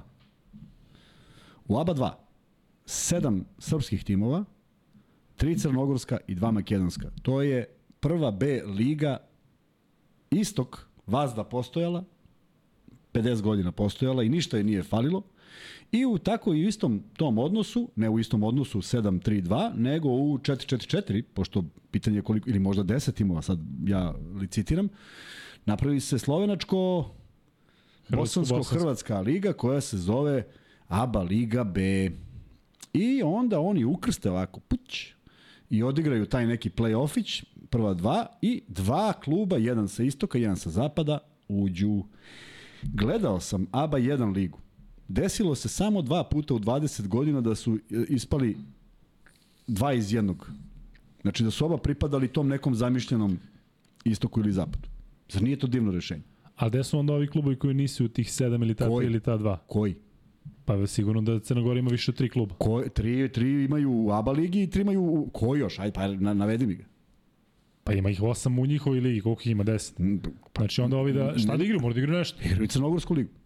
Pa znači ima ipak domaće prvenstvo, tako? Nema. To se zove Srpska liga. Srpska liga vazda postojala. Srpska ova prva, druga i... Tako je, tako je. Pa ajmo samo da rangiramo kako. Pošto mi zami, igramo regionalnu ligu. Pandan prvoj saveznoj ligi je ABA. Znači, od ovih sedam timova koji igraju drugu ABA ligu i koliko? 4, 5, 6, recimo da je u I 13. u, iz, u, u, u, tu ligu, u tu ligu ulazi predstavnik od ozdo. Iz regiona. A za ne misliš da bi recimo za 7 godina imali 11 predstavnika u ABA ligi? Srbija. S- Vidi, č, ako je to tako, to nije problem Srbije. To nije nikad bio problem Srbije. Prva B liga nikad nije imala ključ. Prva B liga je bila ko je bolji uđe. Pa šta sad kao, ovi neće da ulažu u košarku, a postoji ključ u kojem stalno sedam. Nema, nema više ključ. Ti si sad napravio nešto što je funkcionisalo. I funkcionisalo jako dobro. Da. Da li ćeš ti da uložiš, da li ćeš manje, kako ćeš, šta ćeš, nemam pojma. Možda ti ambicije nisu. Znaš ti koliko klubova je postojalo sa ambicijama da budu stabilni prvobeligaši? Niti su išli, niti su ispadali. I bili tu Govoriš ono 10 staro vreme, ne danas. Tako je, u staro vreme. Da. OHK Beograd kad je ispao u prvu B ligu pa do 92. Nije baš mnogo nešto šeto gore dole. Nego je bio tu. Šesti, četvrti, peti, sedmi. Nema baš svako da ima ambiciju baš da ide gore. A ko finansira onda te klubove? Sad recimo taj OKK Beograd igra drugu ABA ligu i treba da putuje u Široki, treba da putuje u Novo Ne putuju treba- široki. A misliš samo igra u regionu? Sve treba, treba ovde dole, dole da igra protiv Robotničkog ili nekog tima. U trt, pa ide u Niš. Pa ne ide na mesec. Pa još Da. 40 km pa tu igraju. Mm, Da. Nije baš to sad toliko daleko. Ko finansira? Pa, pazi, znaš ko finansira? Ali Onaj zato ima... i misliš istog zapada ne bi bilo tih Tako je, tako je. zabavancija. Još, još je paradoks bio da je Vojvodina bila zapad. Je sećaš toga? Da, da, jeste ono. Vojvodina je bila zapad. Da. A ovde podeliš, ako uzmeš lenjirče, podeliš i kažeš paf, paf, i eto ti rešenje. I da mi neko objasni zašto ne može. Ne može, zato što osmi klub želi da igra prvu ligu, a jaki su jer zna Žiku i Miku, a oni znaju i onog iz devetog kluba. A onda ova trojica znaju 10. 11. i 12. pošto i oni da ne budu. E to su I interesi. onda KLS praktično ne postoji kao Tako je, ali, ali to su interesi, ajmo mi sad da napravimo nešto naše. Ne za, zašto to ima smisla. Ja, ja i dalje govorim jednu vrlo bitnu stvar. Kada se je živelo za košarku, rezultati su bili takvi. Popu, popularnost košarke je bila takva. Sad ne možemo da živimo više u vremenu za košarku. Nema ono koji može da radi da volontira. To se potpuno slažem. Ali se više živi od košarke. I svi gledaju sebe u nekom tom o, u toj nekoj priči. Možete da stavite pol, da li vam se sviđa Kuzmino rešenje za regionalnu košarku? Ajde da im neko kaže da se ne ne, sviđa. hoćemo treću neku opciju. Da, ne, Ne volim ne Kuzmu, lupetaj, ne volim ne Kuzmu. lupetaj čoveče, molim Ne. te ko Boga. Treći. Ne, ja samo daj ne, da, da, da, ovaj, zato što će onda da se pravi zezanjem. Dobro. I, I tako praviš sve ono, tap, tap, tap. I naravno, Potrebno ti neko... lenjirče, koliko sam shvatio, lenjirče. lenjirče je vrlo bitno. Da. Ali ti onda praviš tako, tako kategoriju, to jest ovaj nivoje takmičenja, e, nekom to neće odgovarati. E, to je problem kod nas. Pa sad ovo, šta smo ustanovili? Kolega i ja, Gordan Tudorović, kojim sam delio kancelariju.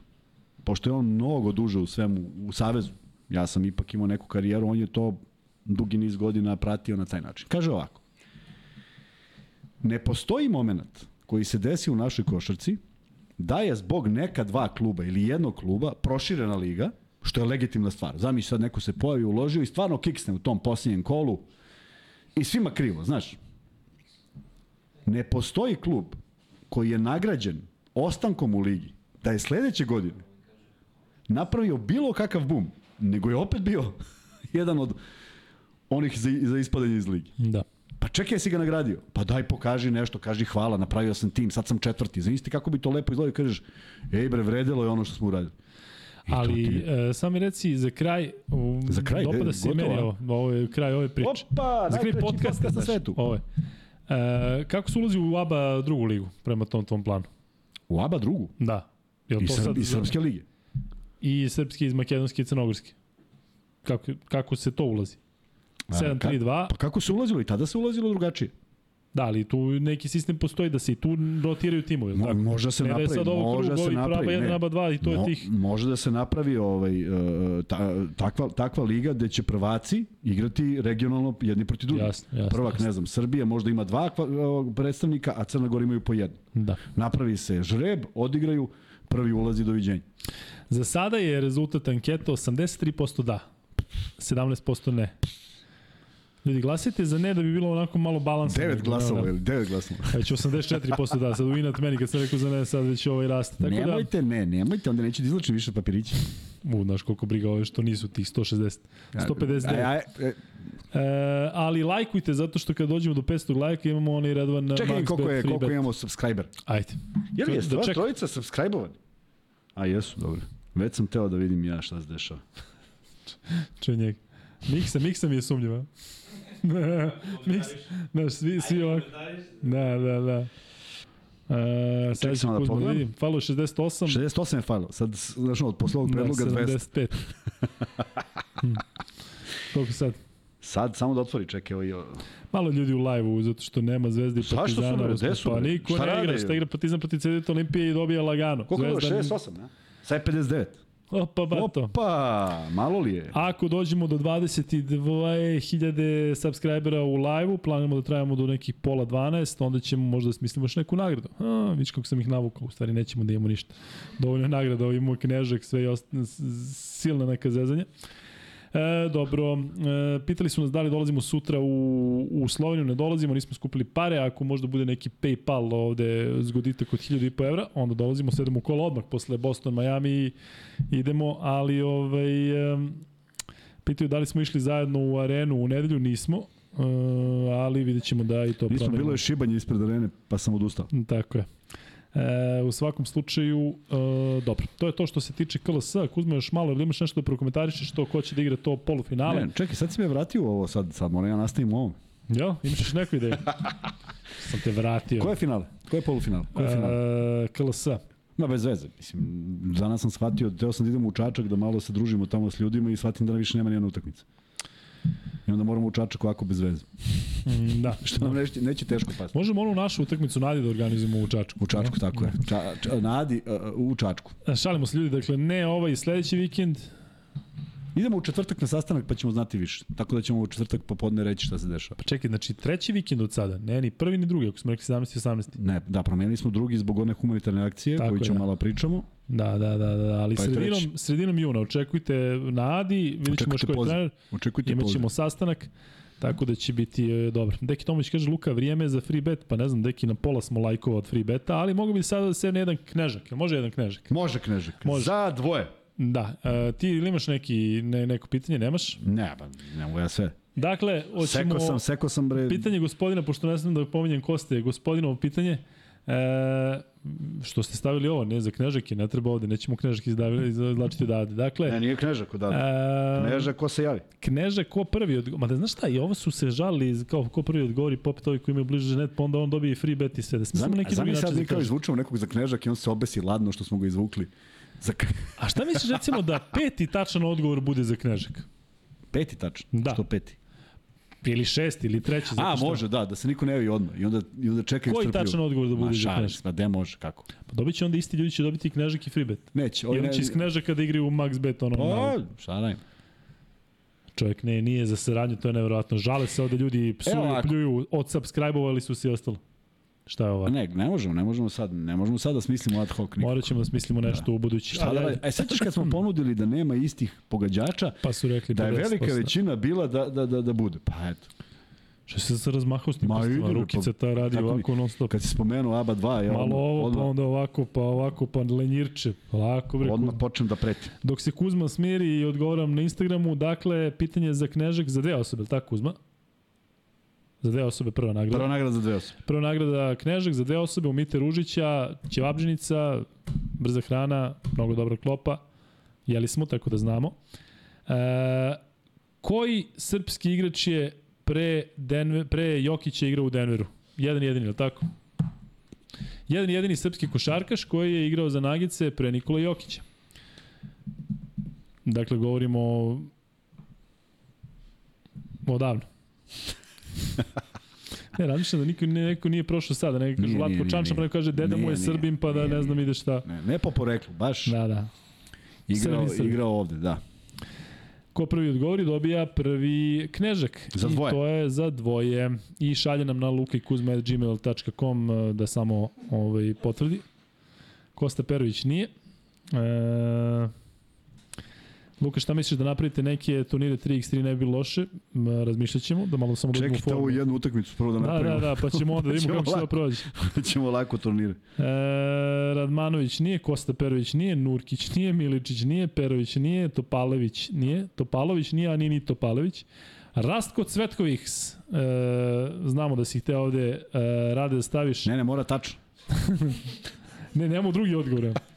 E, Rade Ponjavić je dobio i dakle Rade... Eto, e, Rade rekao, nije Rale često dobio i eto ga. Rade na Rade, odakle si Rade? Odakle si. Rade? On kako voli da postavi pitanje ovdje, sad ja moram da buljim da vidim da li će Rade da... da Kako neće Rade da odgovori da imu da li da damo Rale- nekom drugom kneža kako ne može da dođe. Raško Katić, reci kakav odgovor e, car- carski. E, Boris Saović. Predrag Saović, nije. Um, Luka Stamenković piše, piše gde šaljem, braćo. Šalješ ovde, pa treba dobiješ, pa onda šalješ na lukikuzma uh, gmail.com, a rade ti šalješ dakle svoje ime, pa ćemo te najaviti u Knežaku i onda odeš tamo, kažeš da je da si dobitnik i uh, to je to. Dobro, Kuzma, da pređemo mi na ABA ligu lagano. Ajde. Meč između Partizana i Cedevita Olimpije, mislim da je potvrdio to da je Partizan apsolutno izašao iz one krize, odnosno od one traume i svega što se dešavalo posle Madrida, onog šoka koji se onako najviše video u prvoj utakmici, ali i u drugoj koja je stigla u Podgorici. Treća je bila rutinska za Partizan, ova protiv Cedevita Olimpije, najubedljivija pobeda Partizana ove sezone protiv Cedevita Olimpije. Mi smo najavili da bi mogao da bude neizvestan meč poput ona dva u ABA ligi u regularnom delu sezone, prvi izgubljen u Ljubljani, drugi dobijen ovde jedva, doduše u, u onako kada je baš sezona u Euroligi se zahuktala, odnosno kada je bilo baš tih bitnih mečeva, ali da li smo očekivali onako laku utakmicu? Ja sam očekivao više od Cedevite. Uh, nekoliko je razloga, pauza koju su imali da se pripreme i da gledaju sve partizane utakmice, ko, kojih je bilo sedam. Da, bukvalno su mogli da gledaju sve utakmice ove da sezone. gledaju. Da. E, postavljanje njihove zone u jednom momentu koje više onako, ajde sad da probamo, je bilo više nego smešno. Iz razloga što ako si primetio, dvojice igraju čoveka, trojice igraju zonu, pa se jure po terenu i usmeravaju gde ko treba. Ako si obratio pažnju, potpuno onako nadrealno. Ako neko misli da zona može da se uvežba tako što kažu stani, to je moglo 80. godine. Pokojni Rajko Žižić stane ovako odruči i onda još dvojica odruče i dvojica napred odruče, onda se ovako okrenu i svi se dodirnu rukama i to je tako bilo. I napad je bio takav i sve je bilo drugačije. Sad je zona da bi igrao uspešno Uh, mislim da oni koji su igrali na način na koji smo je mi vežbali u Beobanci veruju i znaju da se više krećeš u toj zoni nego kad čuvaš čoveka. Jer taj tvoj neki čovek peti, on možda bude na st- strani pomoći da se nešto i ne krećeš mnogo. U ovoj zoni ili u bilo kojoj zoni mora da si konstantno u stavu. Uh, dakle, čak nisu uspeli da, ni da iznenade Partizan nekim tim segmentima, dosta porozna odbrana, neobjašnjivo prosto, kažem, s obzirom da su imali svo vreme sveta da se prilagode. I ono jedino što su dobro radili na utakmici, to je neverovatan broj skokova. Od 12 skokova su imali u prvoj četvrtini ofanzivnih. A neki podatak je da imaju 27 skokova, samo se stvarno ne mogu da verujem da su to ofanzivni skokovi. Je to moguće? Pogledat ćemo vrlo lako. Ofenzivni skokovi Cedevite, 27 u napadu. Pazi, to je- to je- 23 u odbranu, je- ukupno 50 naspram Partizanovih 28. To je Prosto, nemoguće. Da, da pomisliš da je greška. Da pomisliš da je zaspao onaj tamo na dugmetu koje je stalno da. kliktalo. Ne, on je držao sve Da, vremena, da, držao držao i zaspao na toj ruci. Da. Neverovatno, 27 puta da svaki treći napad daš koš. Svaki treći to je 18 poena. A oni su za ostatku 20, 15. Neverovatno, zaista. Koliko govori da je, da je Partizan dominirao u svim segmentima igre, zaključao je reket i ima ona jedna vrlo ne, ne, nevero, prosto A nevero... rekao si da je Cedevite imalo 12 u prvoj četvrtini. Da. A dali su 8 poena u prvoj Pa četvrtini. da, ne, mislim, To je tek vrlo brzo nešto, možda je, možda je početak drugog, drugi, ali vrlo nešto brzo je izašao Više podatak znači da je dva. skokova nego poena. Da, nikad da, nisam da, čuo. Da. neverovatno. Tako da ovaj, sve nekako bilo naopako a, i, i, i A ono što je Partizan odlično radio, ako si primetio, to je da su tačno gađali e, te neke slabe tačke i tu post-up igru i malo, malo pa je bio Panter, malo, malo pa je bio Naneli, malo, malo. I jednostavno su tražili najjednostavniju igru, ne mnogo da, da, da rizikuju, ne mnogo da tu nešto se dodaju, jednostavno ovaj, a sve to CDVita Olimpija nije. Jedini centar u Partizanu, Lesor, nije napadnut ni jednog trenutka. Sveti se kako je Lesor napravio faulove. Na bekovskim pozicijama jureći bekove. Ne zato što je zaista morao napraviti ispod koša prosto, kažem, neobična utakmica, da ti u jednu utakmicu koja bi CDViti trebalo da znači onako završnica sezone uđu pa ne mogu da kažem, ispod svakog prosevka i da ostvare to što su ostvarili tih neverovatnih 27 skokova i da izgube 15 razlike, nešto ozbiljno to nije u redu. Izbor šuteva, broj izgubljenih lopti, sve je to bilo... Ali misliš da je to povezano sa tim da je Partizan zaista igrao dobro, da ih je terao na loše rešenje na terne šuteve? Ne, ne, što se odbrane da tiče, tako do... je. Ja samo govorim u činjenici da si skinuo loptu. I znači svaki put si je izneo. Da. Nisi je ni jednom, bio je onaj jednom, da ili jednom ili dva puta su vratili loptu u koš ali prosto neverovatno koliko su, koliko su bili onog momenta kada se postave u napad koliko su bili dobro čuvani. Uh, Ferel je nešto pokušavao, jurio je loptu zaista jedno... Jel si promenio mišljenje Jogi Ferelu? Nisam, nisam. Pa je sio koliko je se borio sa loptom. Madar ga pusti, stoji mu iza leđa, on juri, ne može, ne može da je sačuva jer, jer su svi zbunjeni šta se dešava. Lesor stoji i čeka sve te uh, igrače, ne mnogo rezona, video sam, pomislio sam da ono što sam rekao za Dragića da će biti neki ključni čovek, otvorio utakmicu fenomenalno, dva slovna bacanja za kucavanje, dvojka, a onda je krenuo da, da preuzima šuteve, zaista ovaj to nije izgledalo dobro. Onda počinje drugo polovreme i neko, ne mogu setim ko iz prvog napada šutira kad ga svi gledaju, E, šta radi i zašto je šutno. Dakle, jedna potpuno neorganizacija, ne deluju kao kompaktna ekipa. Stvarno bi bilo iznenađenje da, da, da, da se to sada doživi neka metamorfoza i da se oni promene i da u, u, u sutra, je tako? Sutra. I da sutra oni sad odigraju neku životnu utakmicu, prosto ne vidim, ali kažem, Partizanova odbrana je delovala fenomenalno, Ove, ovaj, pokrili su sve, svako preuzimanje, nisu im naudili ni jednog jedinog momenta. Kako je moguće, Kuzma, da se sve tako promeni za kratak period, zato što znamo kako su izgledale one prve utakmice protiv studentskog centra? Ta, to je, razumem to je, šok, razumemo sve to, to pričamo, ali... To je to, to se videlo da je to. Oni sad samo ušli u ono što su već igrali. Ali nije bio neki period tranzicije da ti sada lagano podižeš svoju igru, nego jednostavno možeš, u onom trećem meču možeš, da. napuniš i nastaviš sada dalje, vratiš se na onaj mod tako na kom si bio u Euroligi. Pa, prebaciš i kažeš, ok, život ide dalje, ne možeš sada da, da, da, da, da, u krajnjem slučaju završio se i Final Four čak si to završilo, pa ti nekako i to laknulo, da, jer si onako i... ajde, prošlo u bestraga. Tako da ovaj, Partizan je samo odigrao jednu od utakmica kako je odigrao u poslednjih tri meseca, ništa spektakularnije od toga. Bilo je tu dobrih poteza, bilo je nekih poteza gde se opet e, Obradović nervirao, jer drago mi da smo videli Balšu Koprivicu, vidi se da još uvek nije, nije u, u svom nekom elementu. Jeste, da malo mi ispada lopta, ali to je sasvim da, normalno za dečka koji je ne samo napravio takvu pauzu, nego znamo zbog čega je to. Tako je, tako je. Tako da lepo je što se on vratio i što je bio na terenu.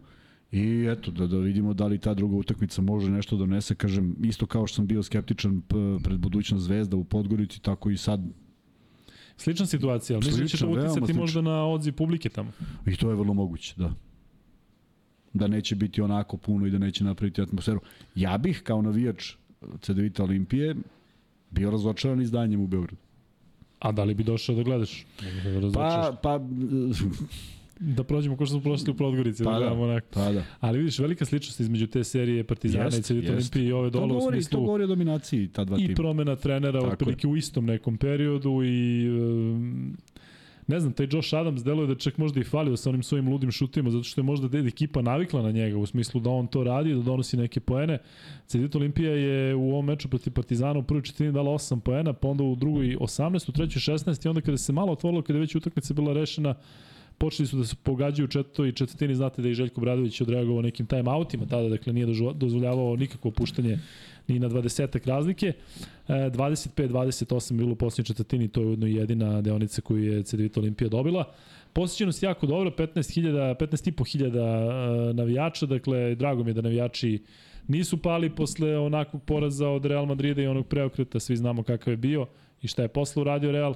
I um, ono što mi je iz ovog ugla drago je to da zaista mislim da sa ovim katastrofalnim dešavanjima koje smo imali, sa ovim tragedijama koje smo imali i sa celom to, mislim da smo se svi ujedinili u toj priči da ne, ne sme da bude nasilja, da neće niko smeti da pravi neke ozbiljne incidente u duelu Partizana i Crvene zvezde, zašto mislim da će mm, da najđe na, na ne osudu, nego jednostavno ga je žargonski rečeno. Ti znaš, najbolje. verovatno i naši gledalci znaju, ja se uvek nadam tim stvarima da, da, da, će noći, da će doći u neku normalu i da ćemo moći da uživamo u tome. I mnogo puta si ti sam rekao kakve timove imamo ove godine, evo, pokazuju tu neku dominaciju jedni i drugi kroz uh, ABA ligu. Naravno, tu je došlo do nekih kikseva. Ne mogu da kažem da, da, da je Zvezda odradila dobar posao porazom od Zadra i od Cibone. Isto tako je bio šok u onom momentu kad je Partizan izgubio od CDVita Olimpije. Prema tome, tu su se dešavali padovi, ali u seriji utakmica ovo zaista deluje ne da deluje kao da igraju dve ekipe iz dva različita takmičenja, nego jeste. Oni jesu iz različitih takmičenja i to se vidi i to se primeti i to se da zaključiti. Ali zato i kažem, uh, imao sam, imao sam priliku da igram u manjim klubovima gde je to negde tako izgledalo. Pa daš sve od sebe, pa probaš, pa si uradio ovo, pa si uradio ono, pa izgubiš, izgubiš, ali ovde, ovde kao da je delovalo uh, I ovo je, ovo je završna sezone. Prilika da napraviš nešto, prilika nešto da promeniš. Možda za pojedini igrače u CDVita Olimpiji posljednja prilika u okviru CDVita Olimpije. Možda posljednja prilika za titulu. Nik ne znaš kako te karijera vodi. Ne znam kako, ka, malo energije i malo spremne, spremljenosti za utakmicu, ali kažem to je njihov problem.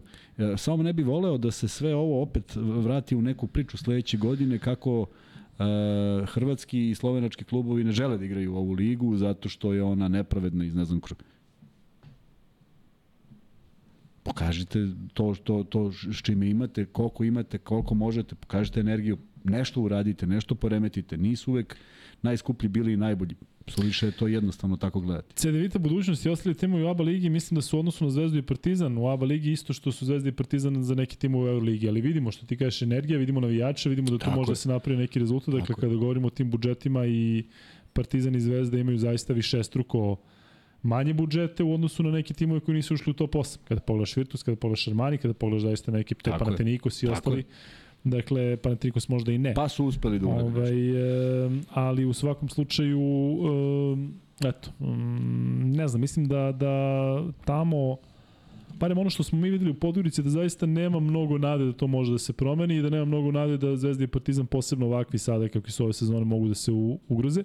Što se meni lično tiče, ja sam se nadao da ću ove sezone da vidim jednog dečka koji mi je onako prilično, ovaj, prilično me oduševio prošle godine, to je mali Dan Duščak, koji je bio na e, pozemici u Iliri, inače je bio član, član Stedevita Olimpije, momak ima nevjerovatan osjećaj za asistenciju, prilično je nizak, e, mislim da je ispod, ispod 190, ali video sam u njemu nekoga ko je dobio šansu kod Golemca, učestvovao u nekim pobedama u, u završnici sezone i onda su ga prosledili, čini mi se, u Gran Canarijuma, da tamo ga uopšte nisam video ove godine, tako da ne znam kakav je njegov status u ekipi koja je eto, zvanično Euroligaš, vidjet ćemo da li će igrati u Euroligi. Volao bih da sam video neke mlade igrače koji tamo dobijaju šansu, dakle, e, da se tako neko probije i e, žao mi je što, što je akcent bio opet na, na nekim strancima, nekim novim, nekim koji su već bili u ekipi. Ali eto, e, možda se promeni, promeni nešto pa dobijemo neke igrače. Zato što znam da je bilo nekoliko njih, bio je onaj jedan centar plavi, koga sam prenosio u koji je bio isto član CDVita Olimpije, pa je takođe otišao na pozemicu, ne znam kako mu je sada sudbina, ali činilo mi se da u tom naletu, u tom talasu novih igrača u Sloveniji na krilima uspeha reprezentacije i naravno individualnog uspeha Luke Dončića da će se pojaviti tako neki novi klinac koji je interesantan ali za sada ovaj za sada toga toga nema. Što se tiče Partizana Kuzma, svi su upisali u listu strelaca, ono što je meni posebno drago, ti si pomenuo Koprivicu, naravno njegovih 8 minuta i 2 poena, ali meni jako drago da sam video Drezgića koji je dao oba penala na oduševljanje publike. To je momak e, koji je budućnost Partizana, nadam se i srpski košak i ono čemu sam pričao ranije, ja bih zaista voleo da u budućnosti gledamo taj duel njega i Topića ja, i da to bi. budu nosioci igre. Toliko smo da. pričali o tim playmakerima koje nemamo, kako ne znam šta, ali zamisli da recimo za 4-5 godina oni izrastu momke to, koji su lideri svojih timova jedina, u Euroligi. Jedina mogućnost da se to desi je da se u neko dogledno vreme ovaj, uh, Euroliga zatvori ili da se ne zatvori, a da Partizan i Zvezda imaju prohodnost bez razlike gde su na tabeli, koji su šta su, da dobiju te neke A ili B ili kako god hoćeš nazovi tu licencu. Jer to je jedina opcija u kojoj možeš da računaš na stvaranje nekih novih igrača. Sve dok postoji taj pritisak da je top 8 ono što se traži i tako dalje, mislim da nema tu mnogo ovaj, eh, šanse za, za, za mlade igrače. Iz prostog razloga što je svaka utakmica biti ili ne biti, opet se sve meri A za nešto ovako potrebno je, potrebno je da imaju malo manje pritiska, da ima manje stresa, da se okušaju sa najboljima, jer tako brže napreduju, ali e, sve to bi bilo moguće kad ti kažeš, e, sad smo Partizan ili Zvezda, kao deo porodice i imamo, možemo radimo šta god hoćemo. I onda imaš pravo da probaš ovoga, da probaš ovoga, da šansu ome. Rezultat, pa nema veze, i sledeće godine se igra. Znači sad možeš da kažeš, ok, ajmo napravimo neku strategiju, za tri godine ćemo napadnemo top 8. Nije to ovde popularno, pošto moraš top 8 da napadaš naravno. svaki 4 minuta. Posebno ako moraš i da onako da se usaglasiš Pa, sa znam, rivalom ali- glavnim, znam, znači Ali dođeš i kažeš, evo, mi hoćemo, imamo ekipu, Topić, Mopić, Popić, Fopić i još jedan, i oni su mladi i hoćemo da ih pravimo i hoćemo za tri godine da igramo egal utakmice u top 8. Pa ako to niko ne prihvati, onda, znaš, e, ne, ni ove ekipe koje sada postoje neće zaovek trajati. Morat će remont da se napravi u Efesu. Znaš koliko će biti bolan? Koliko god para imaju. Ne može da se nastavi to. Ne može to tek tako da traje. da. I jednostavno negde moraš da se da se da se resetuješ. Ajde da pitamo i vas, evo na e, 400 e, odgovora 81% kaže da, sviđa im se Kuzmino rešenje za regionalnu košarku. Ako ste se sada uključili, pričali smo o tome pre neki 20 minuta, 19% kaže ne. Možemo da ugusimo ovo i pol i da stavimo sledeći. Nemoj da da gaš ovaj biste... pol, baš je dobro. Odlično, da.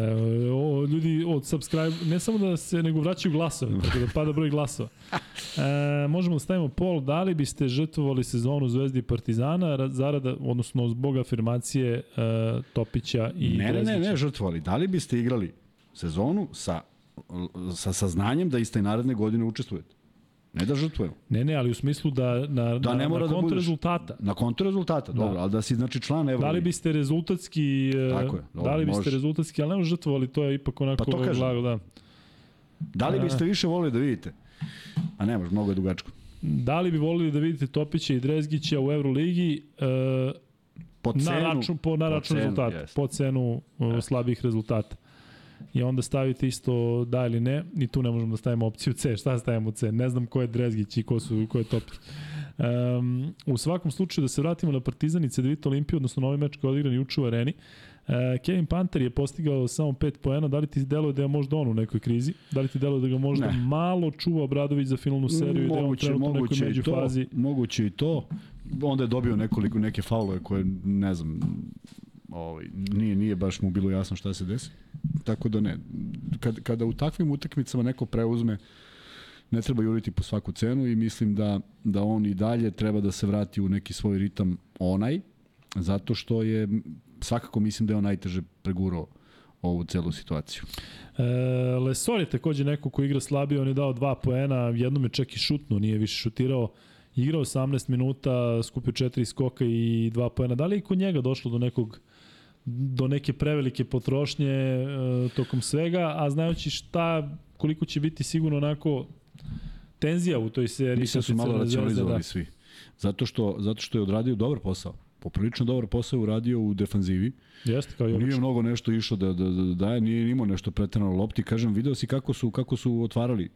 Koliko si puta gledao Nanelija u 1 na 1 dole ispod koša, koliko puta Egzum. I lako su poentirali.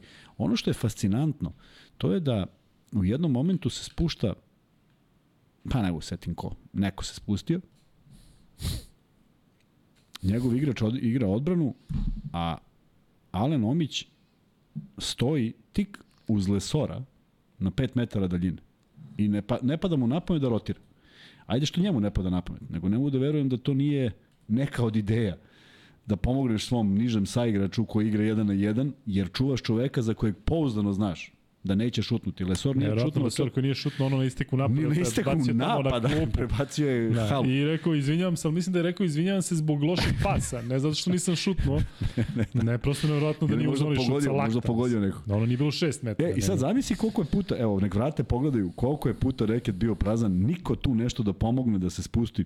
Neverovatno, meni ne objašnjivo, ali nema šta da mi bude objašnjivo. Još jedna vrlo bitna stvar, sad si spomenuo Golemca, pa samo da se vratim. Opet je izašlo, znači, budućnost igra i muči se. Dobili su 11 razlike studentski centar, u jednom trenutku su prelomili utakmicu. Istog dana izlazi vest da je Golemac bio na inicijalnim razgovorima sa budućnosti. Kako je moguće da neko nema to malo eto poštovanja prema tom čoveku i samo da samo Ali koga misliš, za medije ili misliš za medije, za, za bilo pregovore? koga, za to kako i pregovara u krajnjem slučaju ako se stvarno desilo, jednako nije potpuno izmišljena priča. A šta ako ga neko uzme umeđu vremenu? Sad ti kažeš, evo neću da pričam sve, Golemac tamo preuzme neki drugi klub. Valjda trebaš da reaguješ ti odeš, ako znaš. sedneš u kola i odeš u Sloveniju, u Golemčevu kuću i potpiši ugovor i vrati se i Znači, kod Golemca. idi i kaži nećemo ništa da pričamo i ideš i navijaš za svog trenera i za svoju ekipu. Samo ne objavljuješ to. Ja, bre, po ovim ljudima koji su nas tamo dole dočekali sad drlje kamenje. A i njima pričam, secio. njima posebno pričam. Ne. Ali odeš u Golemčevu kuću, nisam verovao da će to ikada iko, iko izgovoriti. Ove, nepozvano odeš i kažeš da ćeš da budeš trener, ali ćuti, tako, niko da ne zna. E, dobro, fali nam još 200 lajkova za prvi max bet free bet a mi ćemo nastaviti da pričamo o Partizanu i konkretno o igračima. E, Kuzmo, sada već možemo, mislim, da sumiramo sezonu za neki igrači, ima oni koji su zaista igrali dobro, pa loše, pa opet dobro, koji su onako oscilirali, igrali sa nekim amplitudama, ali čini mi se da ipak Papa Petru da sada možemo slobodno da kažemo da on apsolutno nije ove sezone ispunio očekivanja. Ne, ne znam zašto. Negde smo stvarno mislili da je on taj koji će najpre Jeste. da se prilagodi tome zato što je igrač koji je to igrao. Nije mu promenjena pozicija, naprotiv, duboko sam ubeđen da mu ni jednog trenutka Obradović nije tražio da bude najbolji skakač, najbolji strelac, bilo šta ekstremno, nego jednostavno da radi svoj posao. Zašto je to toliko trebalo? Zašto je delovao nesigurno, pa i sad i na ovoj utakmici kad uzima šut, pa jednu promaši, pa onda on uzmu dru, drugu uzme stidljivo. Nije mi jasno. Nešto mu se nije poklopilo i šteta što nije, zato što ja mislim da je on i dalje mislim da je odličan igrač. A da li misliš da bi trebalo da ostane u Partizanu? Da li ova Ne. sezona treba ne, da... Ne, ne, dakle, nije, ovo je- ovo, nije ovo sezona koja stranca ostavlja u, nekoj ekipi. Um, zaista zanimljivo da je Ledej dao dva poena, da je... Um, Ko je dobre te poene? to ti kažem, Ledej 2, Panter 5, Lesor 2. 9 poena, dakle zajedno nisu dvocifreni, ali zato Nanali odigrao jako dobro i dao Da, da, i 18 Exum poena za dao 20 i- minuta, Exum je imao Tako pored 11 poena imao je i 4 skoka, imao je ono sjajno zakucavanje, onako egzumovsko i e, igrač nad kojim je napravljeno šest faulova, tako da onako Egzum je igrao da na dobrom nivou. E, Partizan je igrao timski, to ono što mi se dopada, ali igrač koga bi mogli da pomenemo posebno to je Jamadar, koji zaista sada igra sa mnogo više sigurnosti nego ranije. Da li je to dobar znak u smislu da bi trebalo da dobije veću šansu protiv Crvene zvezde, a znamo protiv kakvih bekova će igrati tada. Da li ti dalje se čini da je, da je njegov akcenat više na, na napadu nego na odbrani? Mislim, da, mislim da je, ako si pričao Papa Petru, koji nije to nešto pokazao konstantno, da je Madar bio sa najviše oscilacija. Od fenomenalnih utakmica, od neviđene energije i onda, onda na toj istoj utakmici u povratku na teren Jeste. to bude nešto drugačije. Čak je jedan period onako sećaš igrao prvo probleme, pa ga u drugom ne Više, koristi Pa kada napravi pa grešku. Ako veli šta kad će da se desi isto. Međutim, ovo, ovo je na jednom visokom nivou fokusa je odigrao. Očigledno da je ispoštovao te neke stvari o kojima su pričali. Dobro je čuvao i do, dobro se kretao u odbrani. Nije ispadao iz odbrane, nije bilo ni jednog lakog probijanja. Ozbiljna muka Ferelu je bila da ga obiđe. Tako da ja mislim da je on u nekom svom elementu sad zamislite tu i Avramović, koja je to ipak neka e, snaga u presingu koju oni mogu, naročito Avramović sa onim dugim rukama, ovaj, on apsolutno kao ne, nekada kada sam gledao Rakočevića u tim mladim godinama, e, koji je potencijal imao i koliko je mogu da se kanališe, kao da još uvek ne kanališe dobro e, taj svoj potencijal. Ove dve utakmice, ovu utakmicu protiv o, o, Olimpije odigrao sasvim pristojno, ajde da vidimo kako će sada da izgleda, da li je to sad gore dole, jer Obradoviću i Partizanu su potrebni igrači koji sad Pritom idu u nema više formu. dole. Da, Nema ne, dole, da, da. nema kraja sezone, ne sme da, da. bude dole. E, reci mi, da li um, se baš vidi odsustvo Avramovića, do duše u ovom meču, ne znam što je Partizan neko sve pokrio, ali u duelu protiv Zvezde, e, iz ugla nekoga ko, ko podržava Partizan, zaista se ne radujem tome da Madar mora da pokriva toliko defanzivno, kada znamo e, kako igra Kampaco i kako igra cela bekovska linija Vildosa, kada znamo koliko su brzi. E, stižu razne informacije o Avramoviću, kako je šaka, šta će biti, kako će biti, ali... Verovatno će da zamota i da igra, ali nije to to. Da, tako da um, što se tiče Madara, reci mi iz ugla njegovog, da li misliš da se njemu ostaje u Partizanu, da li mu je dalje u glavi NBA Liga, mnogi, mnogi govore o povratku u Izrael da igra za Makabi. To ne Uh, znam, to, to, to nemo, mislim, toliko, toliko sam bio ovaj, ne, govorim kao igrački, imaš priliku da radiš sa najboljim, najboljim uh, trenerom u Evropi drugu godinu za redom, treću godinu za redom. Imaš opciju NBA Ligu gde ti, e, gde ti je sve onako, da kažem, jedna nepoznanica, do duše taj Boston zaista bekovski koliko god i dalje bili kandidati za titulu, njih pet pobjeda delio titula, ali zaista ovo sa tim Peytonom Pritchardom i sa nekim ali, igračima deluje da možda čak ima mesta za njega. Onda opet neko ostvarenje snatio da igraš za ponos, Izraela za Makabi, tamo si igrao za Tel Aviv i otišao tako pričaš mlad. Nešto, pričaš nešto što ja mislim, isto tako bih razmišljao kao ti, međutim danas sada sa dragim prijateljem Vekom koji, kojeg ću parafrazirati. A baš smo pričali na tu temu. Sine, dolaziš u ponos Izraela, i imaš 2 miliona po godini, jer si domaći. I još ideš u vojsku u sredu, samo sredom, jer mora prođe. Oslobađamo te jednu godinu vojske, ali ne možeš da igraš za Partizan. Ne oslobađamo te ničega ako igraš za Partizan. Ako igraš za ponos Izraela, evo, 2 miliona na stolu. Jel dalje misliš da treba da, razbija, da, da pričamo o tome ko njega trenira? Ja bih volao da je tako.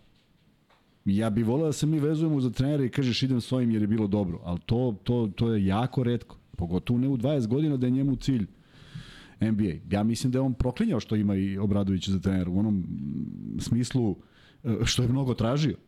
Znaš, tako da ne bih mogao da ti odgovorim drugačije od ovoga što je Veka rekao, a mislim da je upravo. E, vidimo da je Partizan e, prilično dugo putovao do Ljubljane, to se pojavila ta informacija. Piše danas, kaže, na Nanelijevom postu Instagram, kaže, a sad 6 sati vožnje. A hmm. ja se setim Novi Sad Nikšić, čoveče. 188 sati, hmm. majke mi rođen.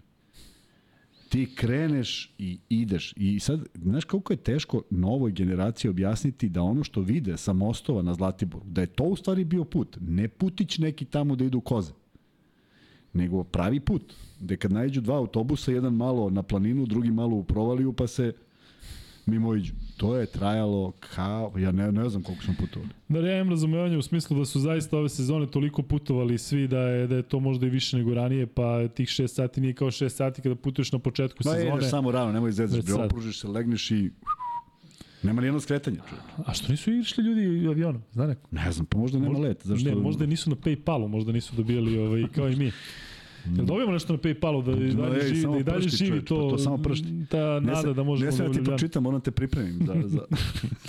da nego će samo na kraju podcast da kažeš. Samo na kraju idemo 1880. Da, I krećemo odmah. Ali vrlo je interesantno jednu stvar poslao, sad mislim da imam page, samo da im. Dok Kuzma nađe, vi se osvežite. Ne, nego je telefon ovaj, ovaj brzi. Ovaj ZX Spectrum. Lajkujte 320 ZX Spectrum mi je telefon. Slušaj šta kaže. Kaže, uh, skinuo je, ne znam odakle. To baš ne vidim. Ali nema veze. Kaže, NBA timovi u proseku pređu. Šta ovde piše? 66.000 km po sezoni, Brajkoviću. Doduše, ono je zemljetina, sačuvaj Bože. Ako mislite da je to puno, onda ćete se još više iznenaditi kad saznate da je aktuelni šampion Evrokupa, ekipa Gran Canarije, ove sezone prešla 6000. Šta 6? 121.000 km. Koliko će tek tim sa Kanarskih ostrova će se naputovati sledeće sezone ako budu učestvovali u Euroligi? 121.000 i sad mi pričamo kao Beograd, Ljubljana. Pa dobro, to je iz ugla Partizana 120.000 tih A znaš da ona pesma 442 uopšte nije do Beograda 442? Da, nego ajde objasni ljudima, ja znam. Ne mogu da objasnim. Nisam, nisam ulazio. Dao je Mom, momčilo je dao objašnjenje. Pa šta je dao? To je nešto je pričao, ali znam da kao nije to. Kao to mi se slagalo s pesmom. Da. Kao mogu sam 782, ali ja kao aj 442. Tada je Rima bila bitna. Ja vozim stalno i izađem na 442. i nigde Zagreba. Rima Bagina, koju dan danas neću shvatiti, je, kaže, onda je zazvonio telefon, a ja ne, ja ne volim telefon. da, dakle, telefon, telefon, vrlo jednostavno. Možda Šta može da ide sa telefonom? Da.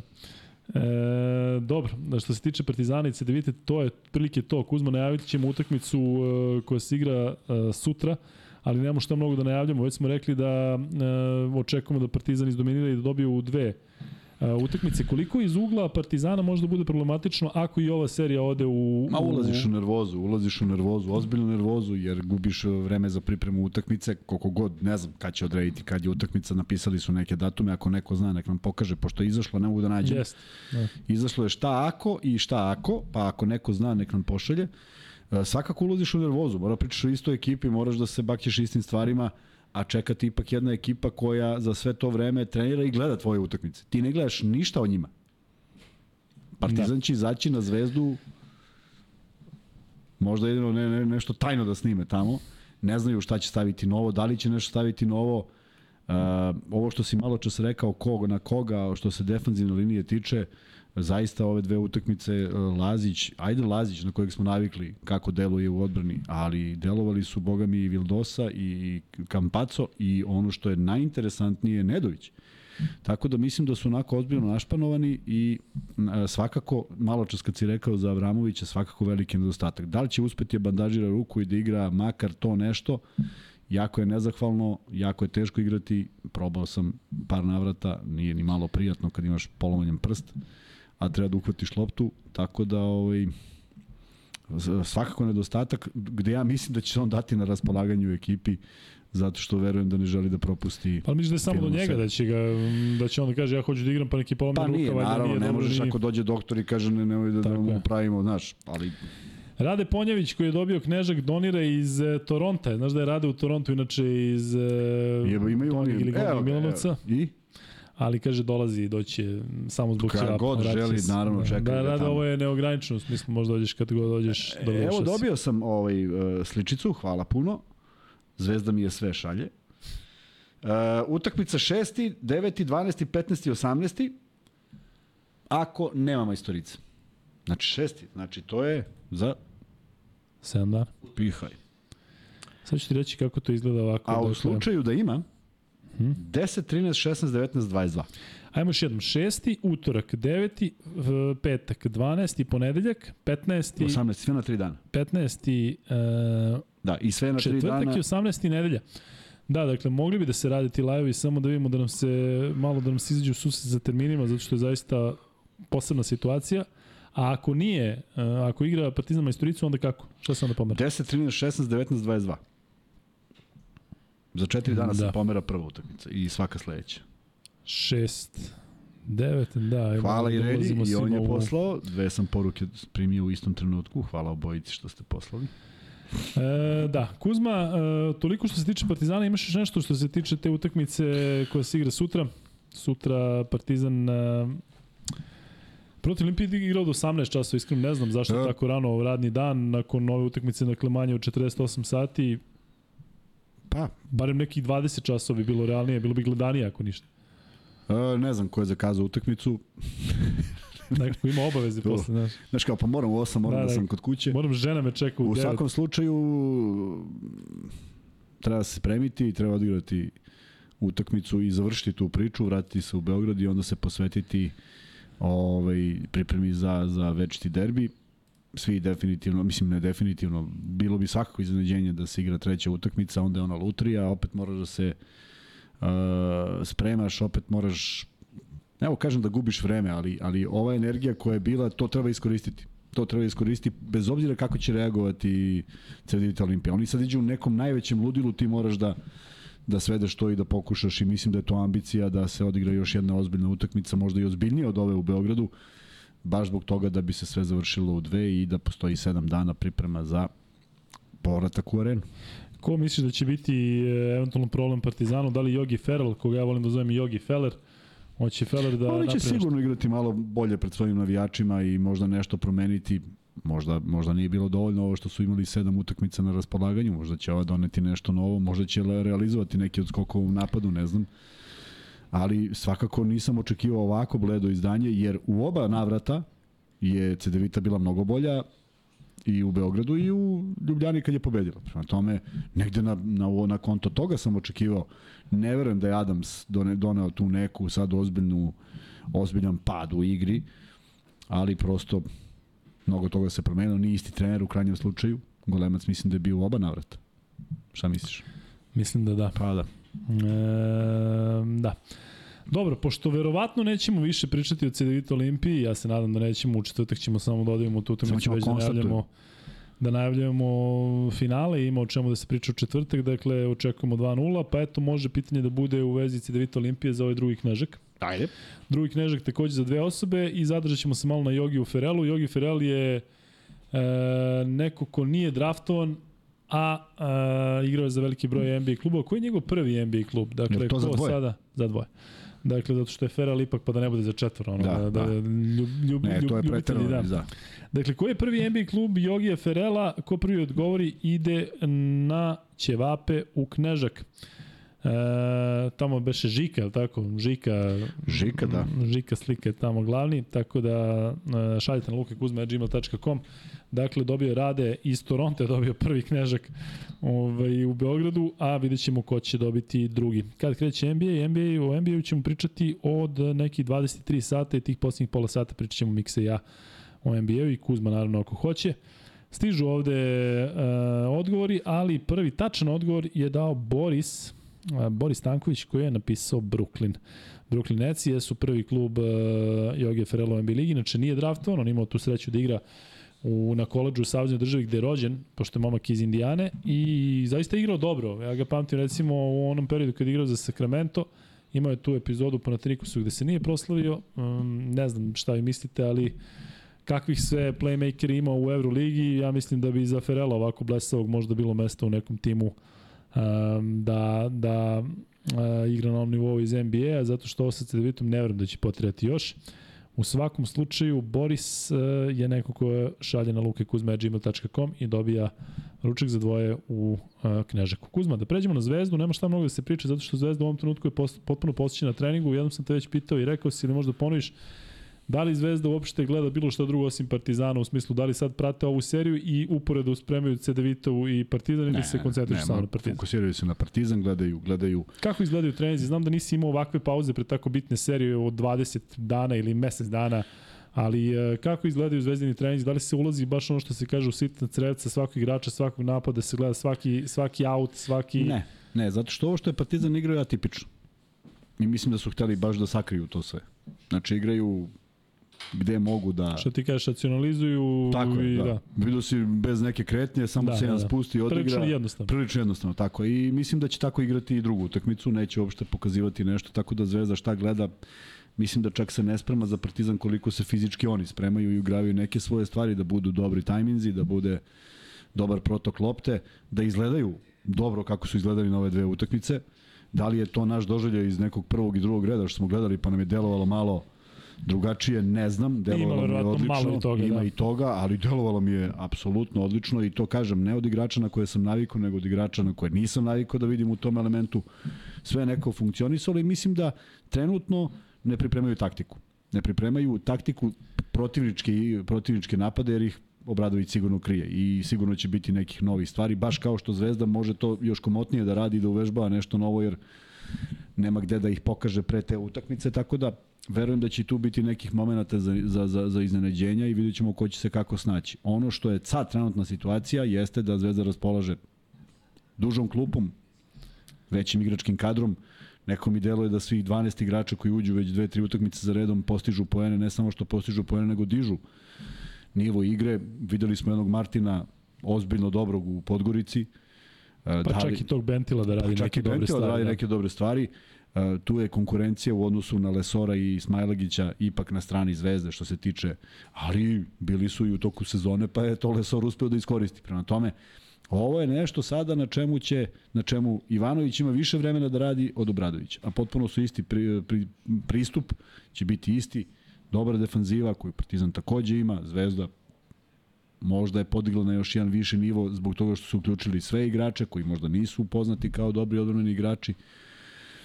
I zaista verujem da može da bude pravi, dobar, kvalitetan okršaj da gledamo izuzetno talentovane ovaj, ekipe gde ako se sve završi onako kako smo svi predviđali, a, Zvezdin cilj je jedan brejk u areni Partizanov je da se bez brejka ode u pionir. Mislim da ćemo ako pričamo samo o košaci, uživati u tome, ne, ne želim da mislim da postoji nešto iza i da će se desiti nešto i da će nešto umanjiti kvalitet tog meča, ali ajde da vidimo, ima do šestog, do šestog, a? nadam se da. Da. je do šestog, jer bi ja želeo da počne ta serija, traje ovo predugo, mogu zamislim kako igračima, ipak su ovo ovaj period kada su živci malo popustili, kad je ovo kraj, pa ga sad stalno čekaš, pa nekako da. će biti ono kad se svaka utakmica koja prođe bar je za jednu za jednu bliže. U svakom slučaju, ovaj, jedna i druga ekipa su dovoljno dobre u ovom momentu da možemo da računamo na dobru, do, dobru seriju. Koja je motivacija, odnosno koliko su motivisani igrači Crvene zvezde? Naravno da postoje ono najosnovnije da se osvoji e, titula i da se nastavi dominacija u ABA ligi koja ti donosi potencijalno verovatno i tu sigurnost u Euroligi zato što znamo da Euroliga ne odlučuje ništa do kraja juna, ali koliko ima možda i nešto onako što se tiče nekih nerašićenih računa u smislu ima, ima. ono kako je završeno ni posljednji derbi e, i to što je naravno Partizan bio u top 8, a Zvezda, Zvezda mislim da je top to, 8. Mislim da bi to trebalo da bude najveći motiv. Da li je to kod Meni bi- stranaca meni bi izraženije? bio. U smislu, zato što strancu, m, sad Facundo Campazzo da mu, da mu je sam da osvoja ABA ligu, verovatno nije. Ali verovatno želi pro, pred punom arenom i protiv igrača Partizana da dokaže nešto više. Ja mislim da bi ja, ja da sam on ili ja da sam u ekipi, ja bi samo teo dokažem da smo bolji.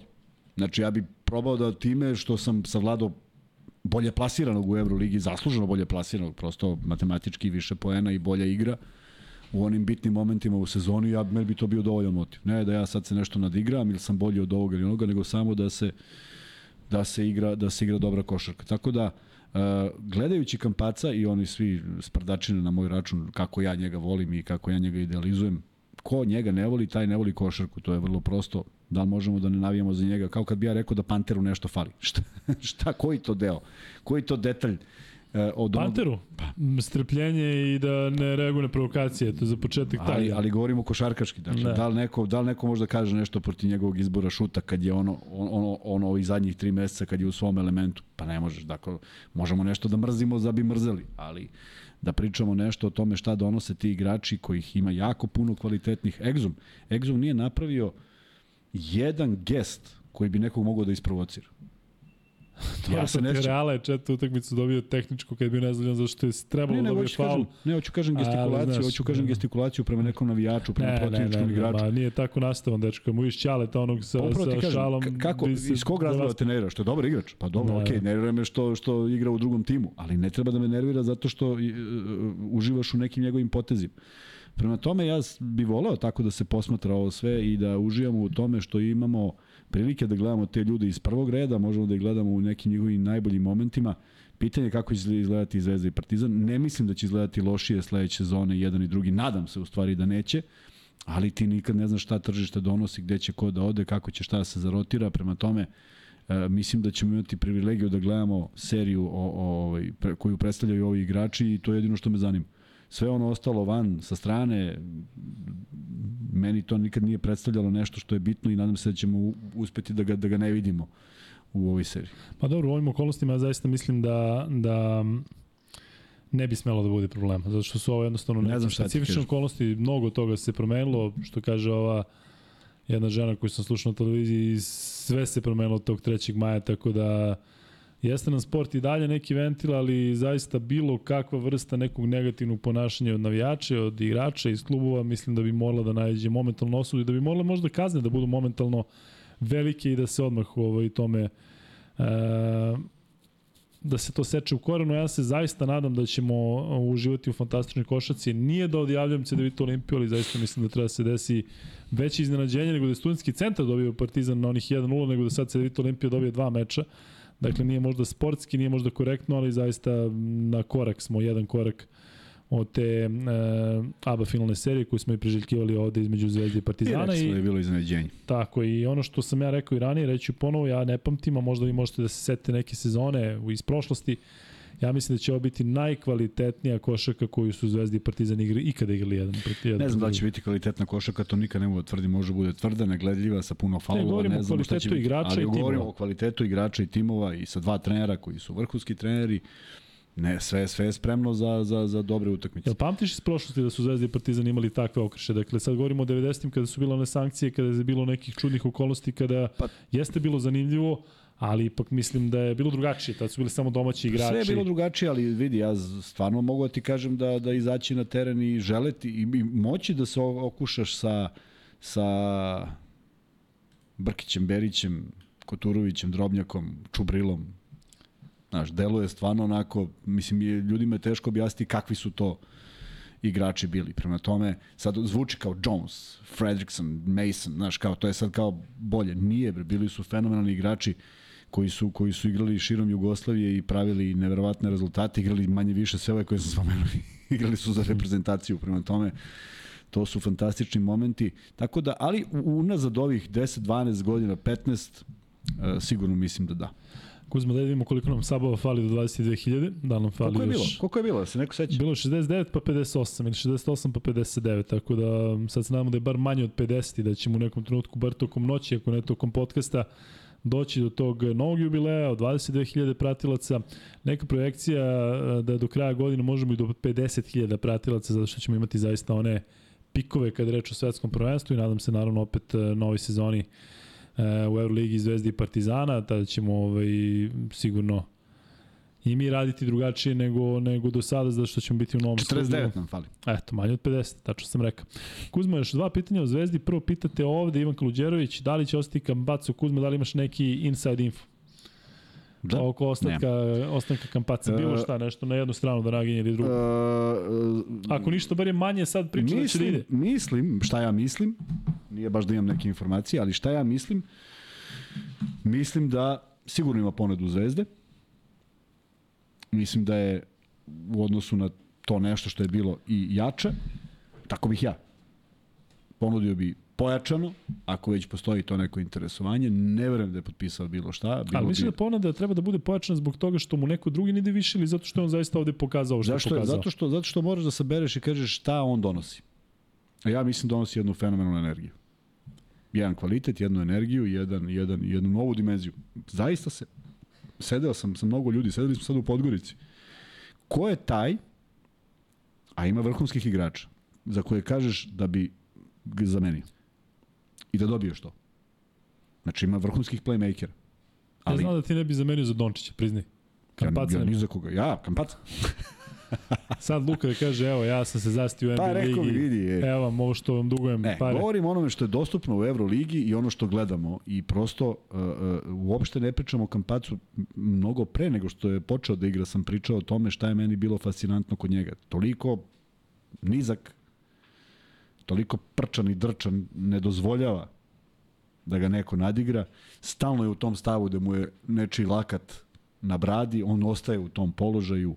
Kad potrči, ej, hteo ne hteo, trčiš i ti.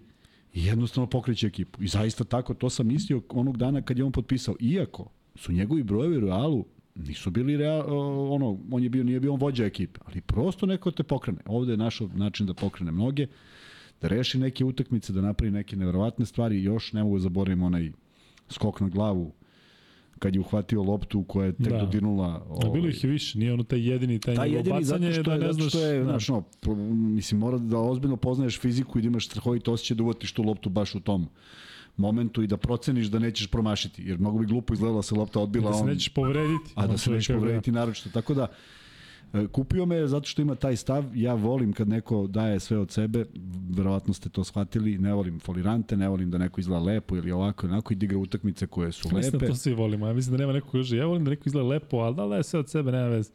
Ima budala. Miš da ima? Da, to se budala. da li volite da neko izgleda lepo? Šalimo se, naravno, nećemo taj pol. E, pita Nenad Milić, da li su izvučeni dobitnici? Izvučeni jedan, izvučimo još dva zlatiborca, imamo još jedan knežak i tri max bet free bet, hvala nam je 145 um, lajkova da dođemo do tih jubilarnih 500 kada po tradiciji izlačimo, odnosno imamo prvo max bet, free bet pitanje. Kuzme, još dva pitanja, pa ćemo onda pređemo malo pre nego što nastavimo sa NBA ligom i na ove lige koje se trenutno igraju, ali što se tiče Zvezdi i Partizana i te eventualne serije e, u ABA ligi, reci mi koliko misliš iz ovog sada ugla, to verovatno će važiti i za, za dalje, da je Partizan u prednosti zbog domaćih terena, znajući kakva je atmosfera, ali opet znajući da su u Euroligi i jedan i drugi tim napravili break, odnosno slavili na gostovanju. Upravo to. I ko bude bio manje nervozan? Da, hoću da te pitam, da li misliš da takva atmosfera koja će biti paklena i u Pioniru i u, u areni, da li može da bude kontraproduktivna za neke pojedince?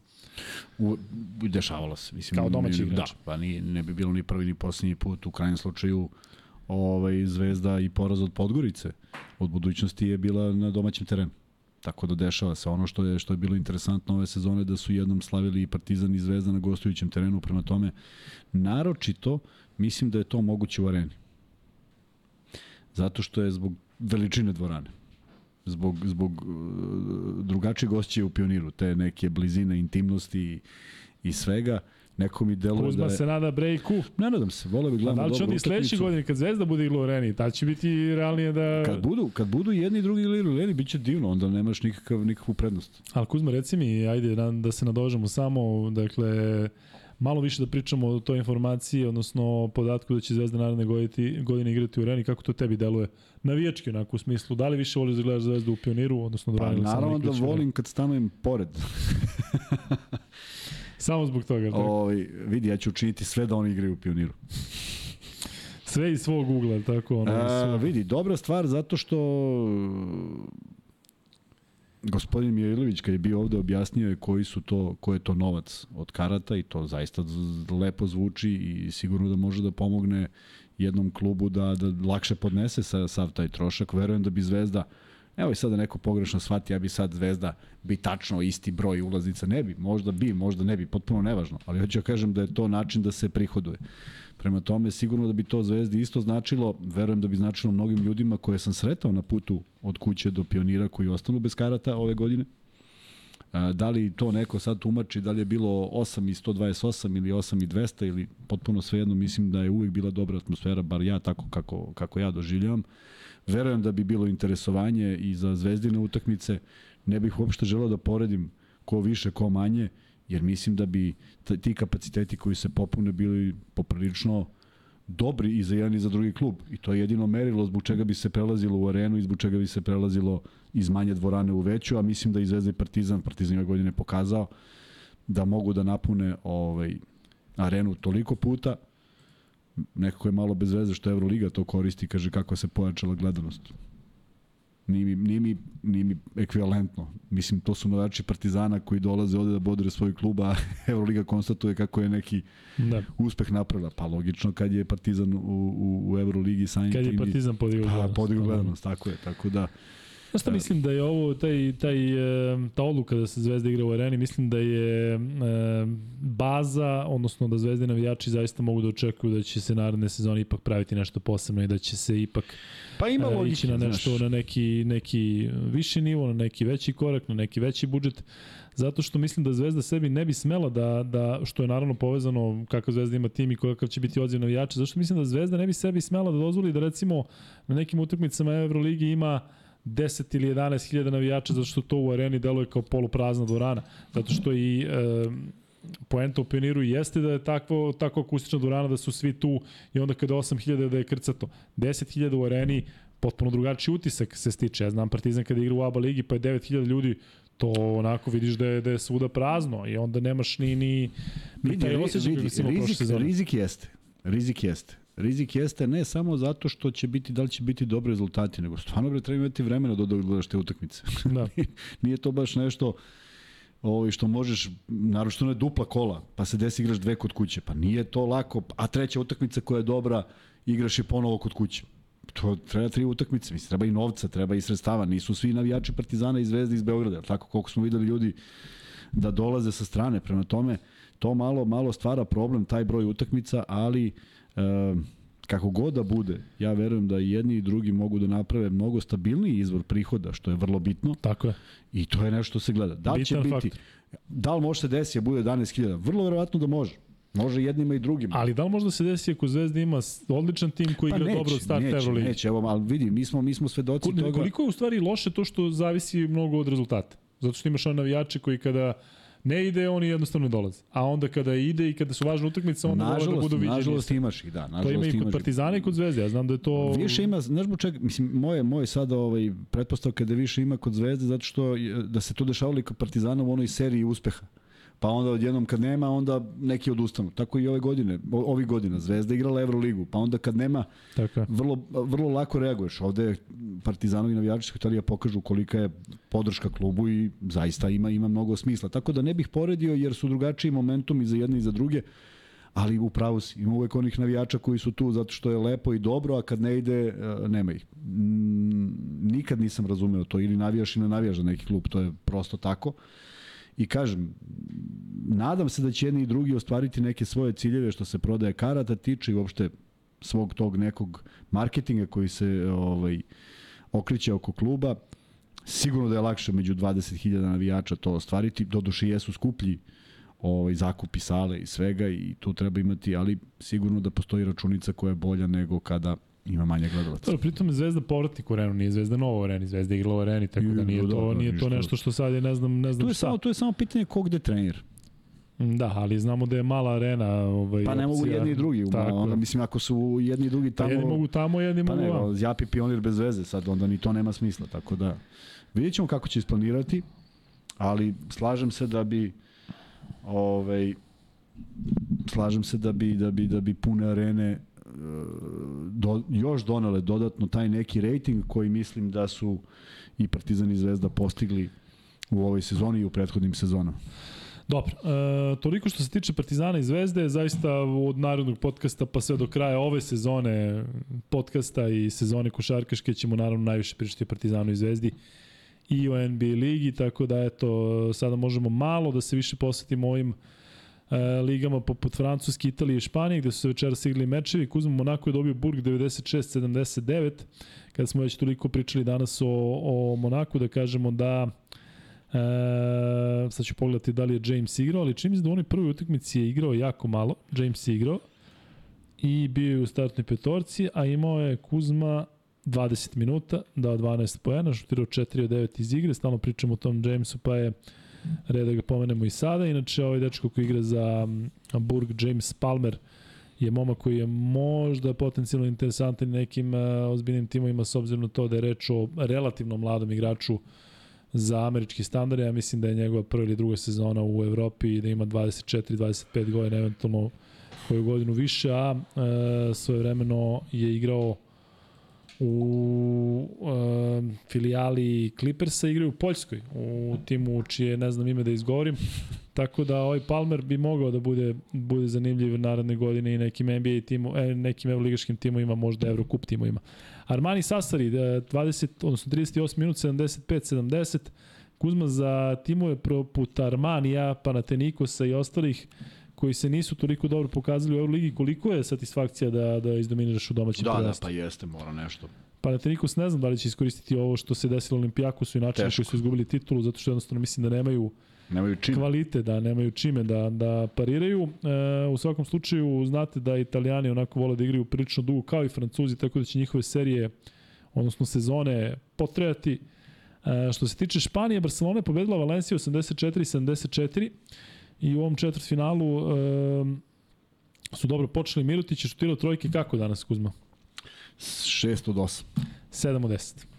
Dobro, tu si. Aj vidio si posle ti ovaj, Žika Žikanović. da paca.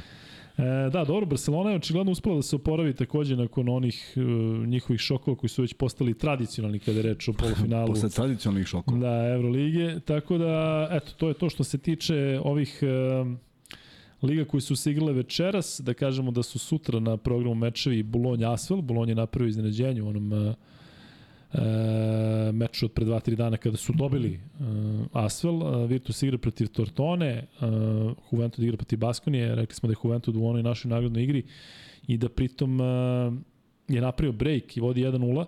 U Turskoj ligi Galatasaray igra protiv Turk Telekoma, Kuzma Galatasaray sa tvojim Raselom i sa trenerom Zvezdanom Mitrovićem. Da, blago njemu, usrećio se. Reci kako su im se Ima da kaže, ono, ima da kaže onaj od James, bio Jamesa, majstor. Da, da, da. E, da. Izgubili su prvu utakmicu koliko sam ispratio. Uh, Galatasaray, Turk Telekom, pa da, mm, šta Turk Telekom je dobio? Dobio da. Da, da, dobio, pa kako nije dobio Turk Telekom, mislim da ih je nešto i razvalio. Da, da, pa kažem, izgubili su prvu, ali, ali tu se pojavio taj neki centar kao interesantan je Zvezdi. Znaš, sad tu ide po, po Gde, u. Galatasaraju Turk ne, ne, Telekom? u Turk Telekom. Ja, onako, Bucko koji razbija. Tyreek Jones, Pa možda. on je što je udarao šamar tokom sezone. Je taj? Pa nemoj da je taj, ljubim te. Pa ne, ne znam ja, Kažem ti šta je tek ne zna zašto. da se kontroliše. Pa vrlo ne verovatno, znam. da, tako igra. Ali, ovaj, Ali razbija. Fizički. pa jesi ga video? Ne. Fizički razbija, fizički zakucavanje kakva nikada nisi Ne, video to, od centra To. i bacanja 3 od 19. Pa dobro, neće čovjek šuti. Ovaj, e, Neće da igra kad se lomi rezultat. Da, Terika Johnson sam prenosio prošle godine u Izraelu, ako se ne varam, ne znam u kom klubu, um, proverit ću. I sutra se igra Bursa Karšijaka, navijamo naravno za Olimpijevića, ali definitivno ova sezona Kuzma Burse neuporediva sa onom prošlom, kada su igrali polufinale Evrokupa, kada su bili sjajni u domaćem prvenstvu, kada su ispali na jednu utakmicu od Fenera. Um, ove sezone tim koji je zadržao neke igrače, doveo dostojno pojačanja nekim pozicijama gde su pojedinci otišli, međutim nekako, ovaj, eto, kao i, Bursa, kao i CDVita Olimpija, dakle, Bursa ove sezone ni nalik onom timu kada su bili hit prethodne sezone. Da, eto, to se dešava, ne promeni se mnogo, ali se neke stvari zarotiraju, dobiješ drugačiju koncepciju ekipe, drugačije ratnike u krajnjem slučaju, koliko je taj uh, Holden, Holland, koliko je taj Holland značio, koliko je Edward Edwardson značio ovoj bursi, a onda kad se nešto promeni, sve ode nizbrdo. Znate ko je Edward Edwardson? Kuzma, Kuzmić uvijek Edward Edwardson biti Andrew Andrews. E, inače, Bursa je Isto, ove isto. sezone zaista imala, ja opet moram da se vratim na to, imala je zaista čudno suđenje u Evrokupu. Gubili su na neverovatne načine utakmice gde nisu zaista imali ni sreće u turskom prvenstvu, jednostavno sve se okrenulo nekako protiv njih e, i čak i ovaj prvi meč protiv Karšijake koji su izgubili u produžetku imali su apsolutno šanse da naprave break i da tako dobiju priliku da završe seriju kod kuće, ali eto, ove sezone jednostavno ne ide. Ne, nema mnogo ovaj, logike u nekim uh, završnicama utakmice šta se dešavalo, ali eto, šta da se radi, navijamo za bursu zbog Olimpijevića. I to je Kuzma otprilike to što se tiče ovih liga. Mi ćemo sada lagano da pređemo na NBA Miksa ti možeš za neki minut da pređeš ovde, a mi Kuzma među vremenu možemo da izvučemo još jednog zlatiborca. Zlatiborac. Da, to je drugi zlatiborac. Drugi Zlatiborac. Čekaj, ja promešam dobro ovih 1800 imena. Znaš kako smo se lepo rasporedili? Ja ovde izmišljam polove i pitanja iz glave, a ti tu samo vadiš. Ti sledeći put seckaš. Evo ga! Ja secka. I ja, ovaj, gotovo, nadrljao sam. Kuzmanović? da. Ao, kakve su ovo nameštalje. Aleksandar Kuzmanović, Aco, javi se i kaži da si iz Bosne, ali, ko bogate moje. Ali javi se Kuzmi na mobilni, pošto ste familija, pa mu ti samo pošalji poruku hvala. A, u, čoveče. Pa čekaj, si vidio danas? Koliko bi, nije valjda bio jedan Kuzmanović da si ga izvukao? Jedan, da. Pa ja mislim da... Kako miš jedan? Pa svi su po jedan. Ne, u, u listi od njih 160 je bilo samo jedno prezime Kuzmanović. Ma da. Da mi sve da mislio da ih ima više. E, Aleksandar, e, koji se odaziva ime Vlada... Kuzmanoviću, da. zvani Vladimir. Eto, Kuzmanović ide na Zlatibor. Baš isto hotmail kao i ja. A kakve su šanse da Spasovski da se izvuče? Nema ni jedan, gledao pa, normalno. Zvao sam sve da, da glasaju, da. ali ništa. E, dobro, e, Kuzma, vidi koliko nam fali još subova do, do, do 22.000. Ma mnogo, niko se, niko se ne tangira. Pa ne, ovo nikoga ne zanima ovo što mi ovde radimo, što mi hoćemo jubileje i ostalo. 49 stoji već... Ma nema moguće da stoji. Već 3 minuta. 41 mora da je. 49. I dalje? Ma zezaš, pokaži mi, ne verujem. Ma to taj tvoj telefon. Ne Tamo bi je za dinar, ali da.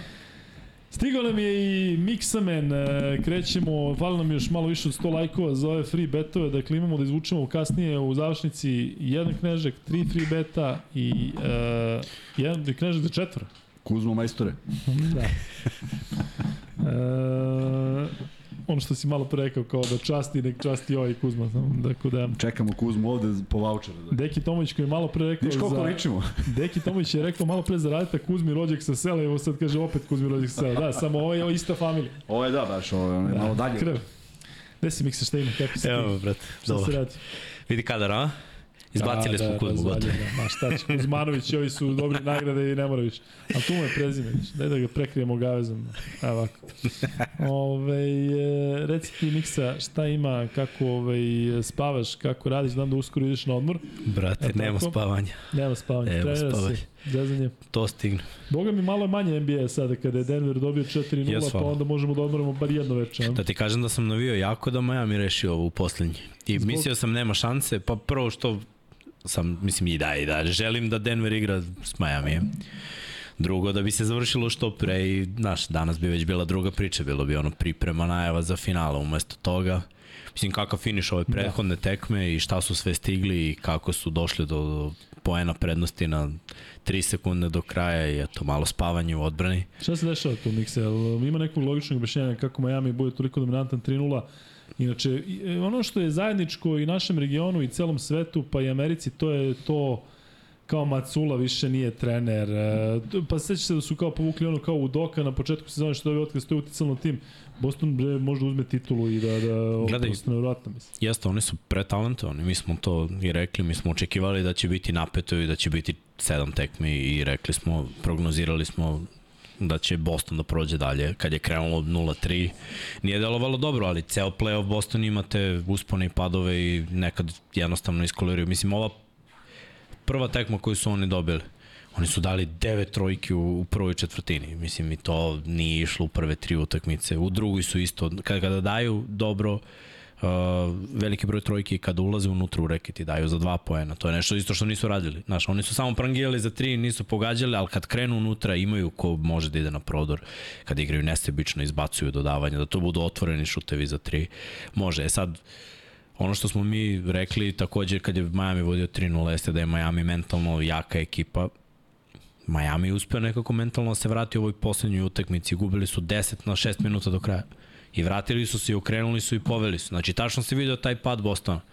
I iskreno nemam pojma kako se ono desilo. Strus je malo zaspao, lopta se odbila, Kako se odbila. White je na letu, pa savršen. Tako je. Ajde malo da pohvalimo White-a, ne samo zbog tog e, poteza, nego jednostavno akcent je uvijek bio Tatum, Smart, Jalen Brown, dakle dečko koji igra svoju igru. A koji to je šeste, tu, izvini, taj, to je ne, Da, da, pet. to je šest, Šeste, šest, da. Šeste Derek White, ono što je dao u poslednjoj sekundi. i- Što je vratio u koš. Tako Da. je, da, i što je bilo baš ono uh, u poslednjoj desetinki izbacio. Da, 0-1 ali- pre kraja 0-1, je izbacio. Da. I neko me je pritom pitao prošli put za Brogdona i za Whitea svaka čast. Neko Brogdon ovde ne igra, da. Bro, A, Brogdon ne igra već dve tekme, ali... Ispade, znaš, ne znam A zato što, to- a možda i bolje što Brogdon ne igra, jer dok je on igrao nije baš bilo Jeste, najbolje, da. pritom je on vukao neku povredu, sada White je malo rasterećeniji, dobro šutira, imao je jednu tekmu šest trojki da je dao.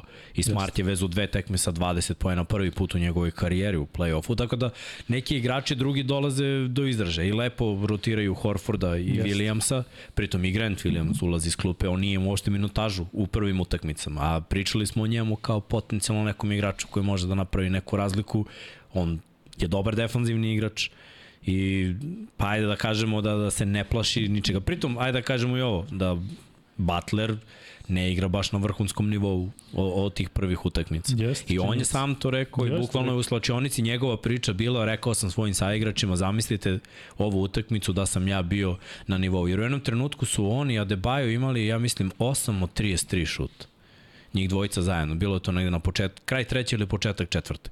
Da. I pritom Jimmy je sve ostale poene dao u finišu, slobodno bacanje, ok, bio je agresivan, mislim da je imao jedan ulazi ili dva, ali definitivno fale da oni Adebayo malo krenu da igraju bolje, jer eto, Brown nije postao do poslednje utakmice, pa je tu dao neke poene, Tatum se probudio kada je bilo potrebno, ali ako govorimo o talentu, Boston je talentovaniji, sad večeras ja očekujem krvi nož, da, da, i opet možda manji broj poena kao što je bilo u poslednjoj, Jeste, da, da, da. da bude onako malo jače odbrane i da tu negde oko 200 ukupno. E, možemo da stavimo pol, šta vi mislite ko prolazi u finale protiv Denvera, dakle, bukvalno ko prolazi u finale protiv Denvera, Boston ili Miami, da vidimo kome će sad ljudi, da, ljudi dati šansu. Mi smo zaista rekli da Boston 0-3 ima, No. ima ovaj, šansu, niko nam nije verovao, ali evo sada je došlo do toga. Pa male su bile, Šta ti iskreno. vidiš Mikse sada? Ko je tebi Pa sad, sad nemam pojma, znaš šta, ajde, pokušavam da se stavim u njihovu kožu. Jer gledaj, ti da si Boston i da si gubio 0-3 i da si dobio 3 za redom, ti sad ne sumnjaš da je. da, da, da ideš dalje. Uh, pronašao si rešenja i ofanzivno i defanzivno, igraš kod kuće i već si rešio jednu utakmicu broj 7 protiv Filadelfije i tu je Tatum eksplodirao sa 51 poenom. Sada ova utakmica za, za Miami, to je meni pitanje. Kako će oni u svojoj glavi, jer, pa dobro, oni su ta underdog ekipa, ekipa koja nikad nije favorit. Kako će oni u svojoj glavi da premoste da su vodili 3-0, da su imali tri meč lopte i da nisu dobili ni jednu. Dve kod kuće. I sad idu na gostujući teren u prepuni TD Garden, gde svako mora da odigra vrhunski. Znači, počevši od startera, preko ovih momaka koji dolaze s klupe. Vincent nije igrao prošlu utakmicu, Da, on i će po igrati. znaku pitanja je ovde, ali vidim da, da je svi informacije Ja da sam. Vincent, znači šta god treba Da, za, protiv bolova i na teren, mislim. Da, pritom on treba da potpiše ugovor posle ovoga, tako da mislim da je dokazao ove sezone da zasluži Jeste. mnogo više para od ovoga što dobija sada nekih. Ja mislim da je na Odigrao je vrh, 200. ali bez njega oni nemaju nekoga Jeste. ko može da kreira iz driblinga svoj šut. Da, da, Lauri je E, potpuno drugačija priča. ugasio se Lauri Jeste. nekako u ovoj finalu istoka. To, Da. to me zanima samo šta će tu da bude. Dajem nekako prednost Bostonu.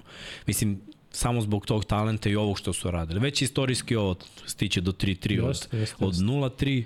Ali sad ali voleo bih Miami. Mislim da je ovo da je ovo doduše taj faktor Butlera smo videli kakav je, ali nismo ga videli ni u jednoj seriji do sada. da je biti ili ne biti. Dakle, znamo kako je bilo i protiv Milwaukee i protiv Njorka dominantno, dakle nije bilo sada ovo sve ili ništa. No. Ja jedva čekam da vidim Butlera u tim situacijama, zato što ga u prošlosti pamtim da je kada je bilo tako da nije baš bilo najbolje, govorimo sad ovo, znači jednostavno Mada- nema, nema popravnog. Mada sve poštovanje za, za ono što je uradio u finišu, Kako jer ga šut da. baš nije išao, ali je bio Jeste, agresivan, pokupio onaj Robinsonu promašaj, dao dva i posle toga je imao četiri bacanja, pa imao i ovo za tri poene iznudio Horfordu Jeste. faul, malo naivan faul od jednog iskusnog igrača, ali ajde, i on je tu pogodio sva tri da ekipa povede. Mislim, šta više možeš da očekuješ od svoje super zvezde nego da, Da tako od minus završi. 10, pa tako je. Evo, ti, ti si igrao i znaš, zamisli da, da imaš najboljeg igrača u svojoj ekipi, da ne može da pogodi ništa, ali da je agresivan, da iznudi faul i da je na kraju pogodi u posljednjih par, par minuta sedam slobodnih bacanja. Da. E, I samo treba da se odbraniš. Jest. Pravo Pitaju majstor. ko je za Mixot- Mixetom, ko je administrator. Imamo auto Mixetu, kao što ima autopilot, dakle tamo Mixa ostavi ovaj program i on se sam menja, tako da ovaj, vidite da je Mixa tu. Daj, daj da se promeni kada, da se vidi da, da ovaj, nije samo da, da ostavi. Evo, Kuzma, se kad si već tu, reci mi, stvarno ja šta odavde, očekuješ? to ja Da, odavde menjam. da ne pogled. Reci mi, šta očekuješ ti stvarno od ovog meča? Ti znaš da ja ne volim one, one što je uradio Butler. Butler? Pa prvo, radio prvo su oni, Horford, Pa Butler. E pa do. Ne voliš njih dvojicu. Ne, ne volim uopšte kada se to radi, zato što se desi ovo što se desi, ne postoji od tog momenta. I to ne valja. I kažem, Da, svako je- ko je to uradio u nastupu mu je krenulo loše. Uvijek je nešto Ovo bilo loše.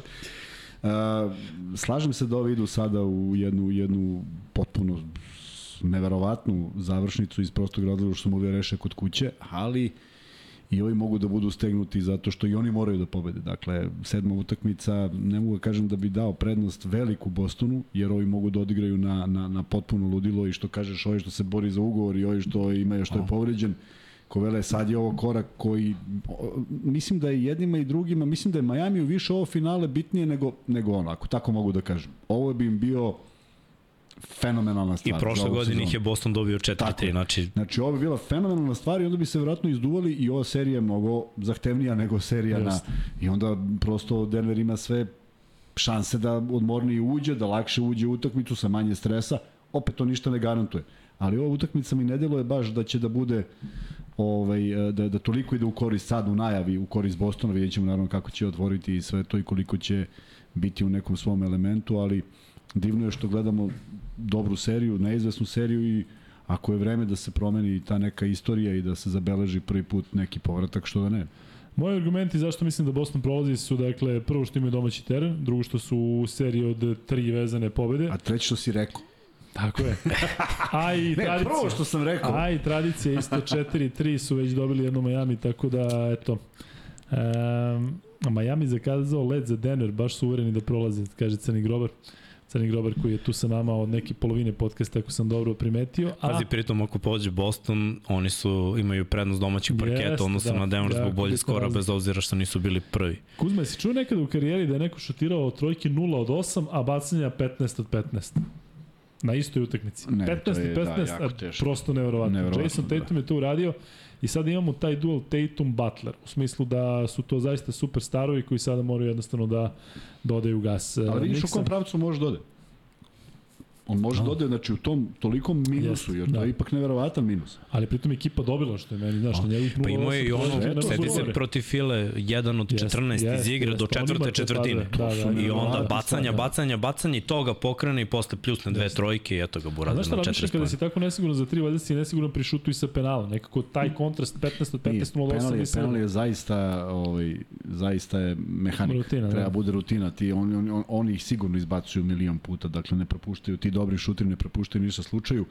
A ovde, znaš, malo i balans, malo ovo, malo ono, malo želja, malo Malo i umor, ali mislim. Neverovatno je, da. Igrao ni neverovatno jake da minute. Tako je. Mislim, ove zvezde najveće. Tako da, vidjet ćemo. Zato kažem, može bude ovako, može bude onako, ali vrlo je bitno da, da gledamo neizvesnu seriju i da, da ovaj, e, da je dosta otvorena utakmica, bez obzira što, što sada u Bostonu i bez obzira što je logično da nekako to gravitira i da budu ne bi mi iznenadilo da se ovi sad vrate i da naprave još jedno čudo, jer koliko bi bilo čudo da je 4-3, toliko bi bilo čudo da se ovi vrate. Da, je, u svakom Bolje slučaju će biti Pa ispisana pa istorija da, večeras. Pa da.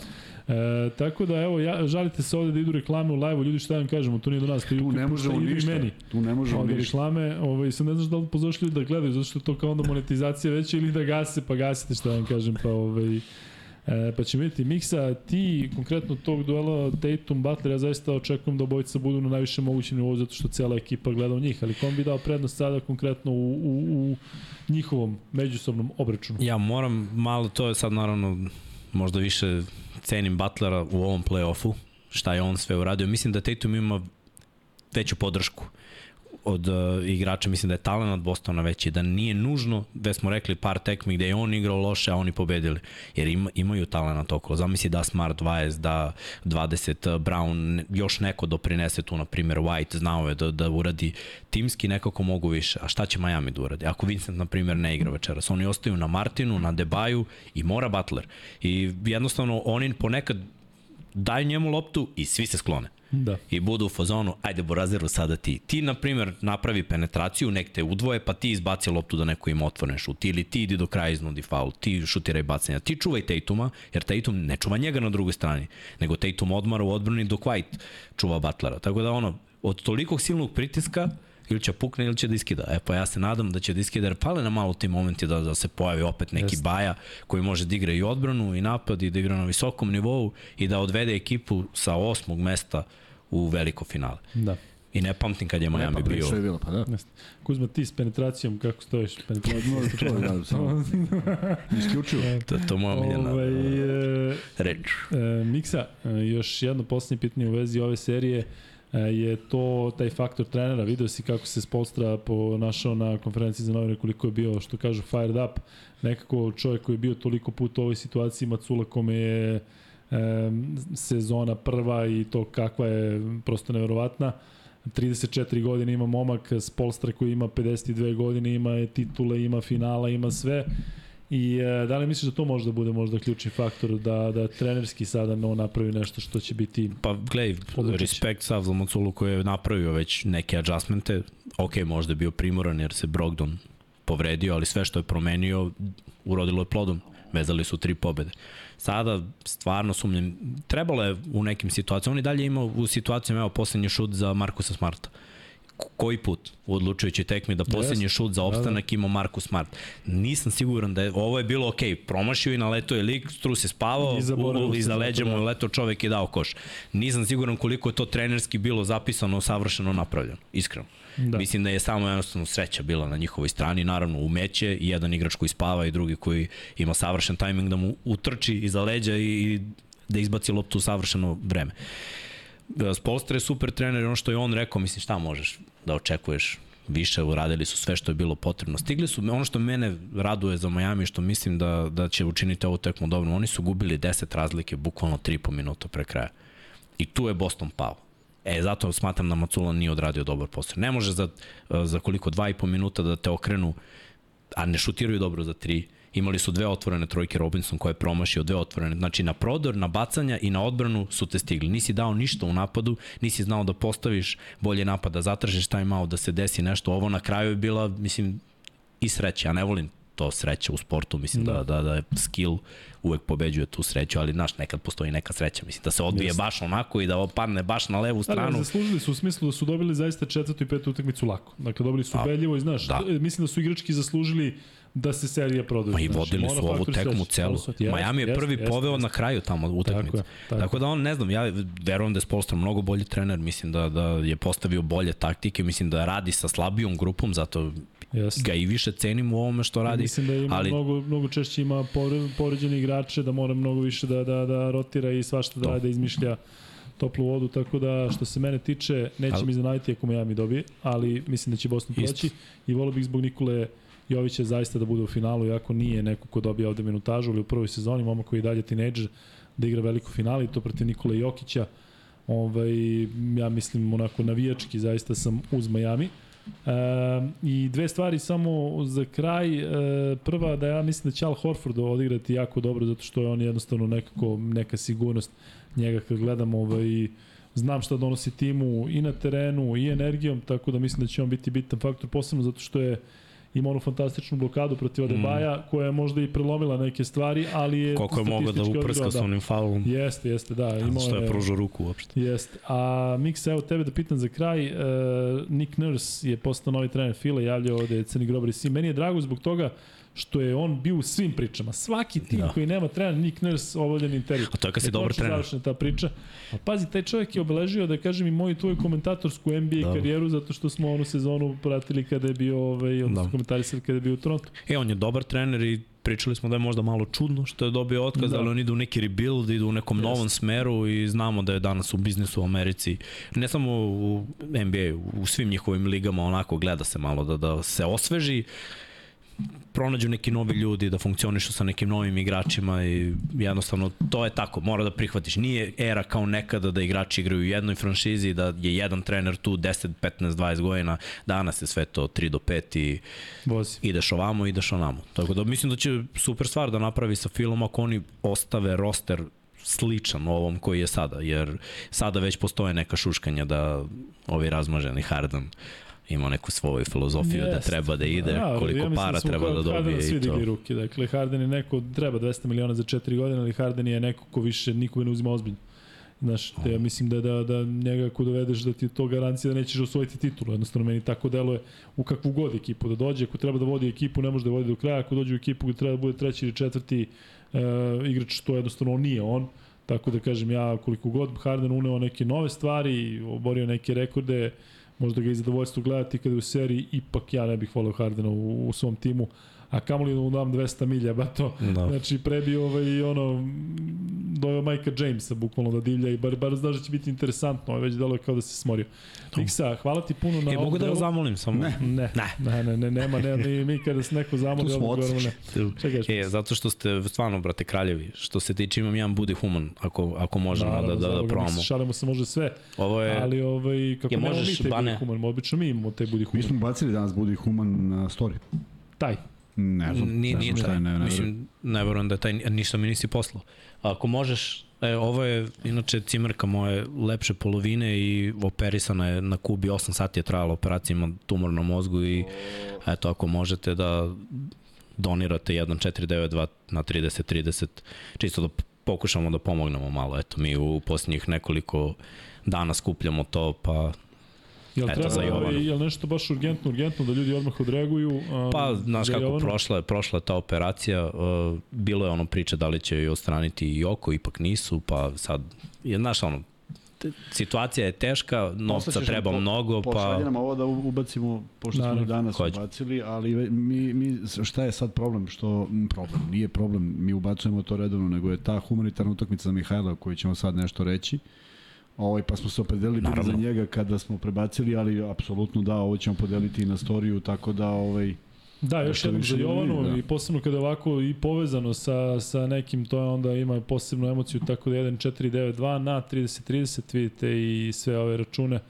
i kažem učestvujte, eto, možete da pomognete i tako, Mikse tebi hvala puno. Hvala vama, brate. Ovde top eh, javlja da šalju već poruke poslaćemo i mi. Hvala legende. A ovaj, Miksa, mi se onda, mi smo napravili deal, ili tako? Mi bi mogli u četvrtak da pogledamo ovu prvu muški. Kuzma. Ne čujem ovaj ne tako, neće sigurno. Spavaju u sredu, dobro. Ugasili mi slušali. U četvrtak, evo ja najavljam sada, na, u, pod uh, krivičnom, pravnom i svakom drugom odgovornosti. Pa ja odmah idem da zaštitim autorska prava. Od 9 trajemo do Minimum 5. Do 1. Pa samo vidite, to će, to će morati da se menjaju sinom. Dakle, imamo 9 redovan podcast i posle imamo Jokića i prvi meč finala. Ja ću ovde da sedim i kome izbaci svakom čas ove stolice, neće valjda da gasi stream, tako da ćemo vidjeti. Znaš onaj vic, sede ovaj, igrač Filadelfija, ili Filadelfiju prešao ovaj trener?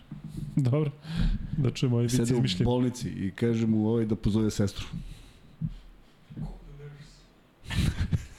Ti da izmišljen sad. Nurse, please call the nurse. ne, to je taj Kuzma koji Meni je smešan, ne. Meni je smešan, šta da ne. Što kaže, jedan moj drug, dobar je, samo nije smešan. E, Ali odličan, izmišljen. Jeste. Inače, Nurse kaže ovde KG Soul 85 da je Nurse valjda trenirao London Towers i Manchester Giants. Ja se sećam da sam Sećam gledao uživo. Sećam se kad smo igrali protiv njih. Je li tako? Hm? E, on je bio, čak ne prvi. I se smijali prezimenu. Ne prvi pomoćni trener reprezentacije Velike Britanije. Hvala, si ugasio, smrzu smo se. E, 2012. godine na olimpijskim igrama je bio dakle u stručnom štabu Velike Britanije, ali kažem ne čak ni kao prvi asistent, nego kao možda neki drugi ili treći. E, I svakom čast. Svoje titulu sa Torontom, bio u toj ekipi i imao dobre sezone zaista, oporete kada su sa Kavajem osvojili titulu i evo sada dobija priliku u Filadelfiji.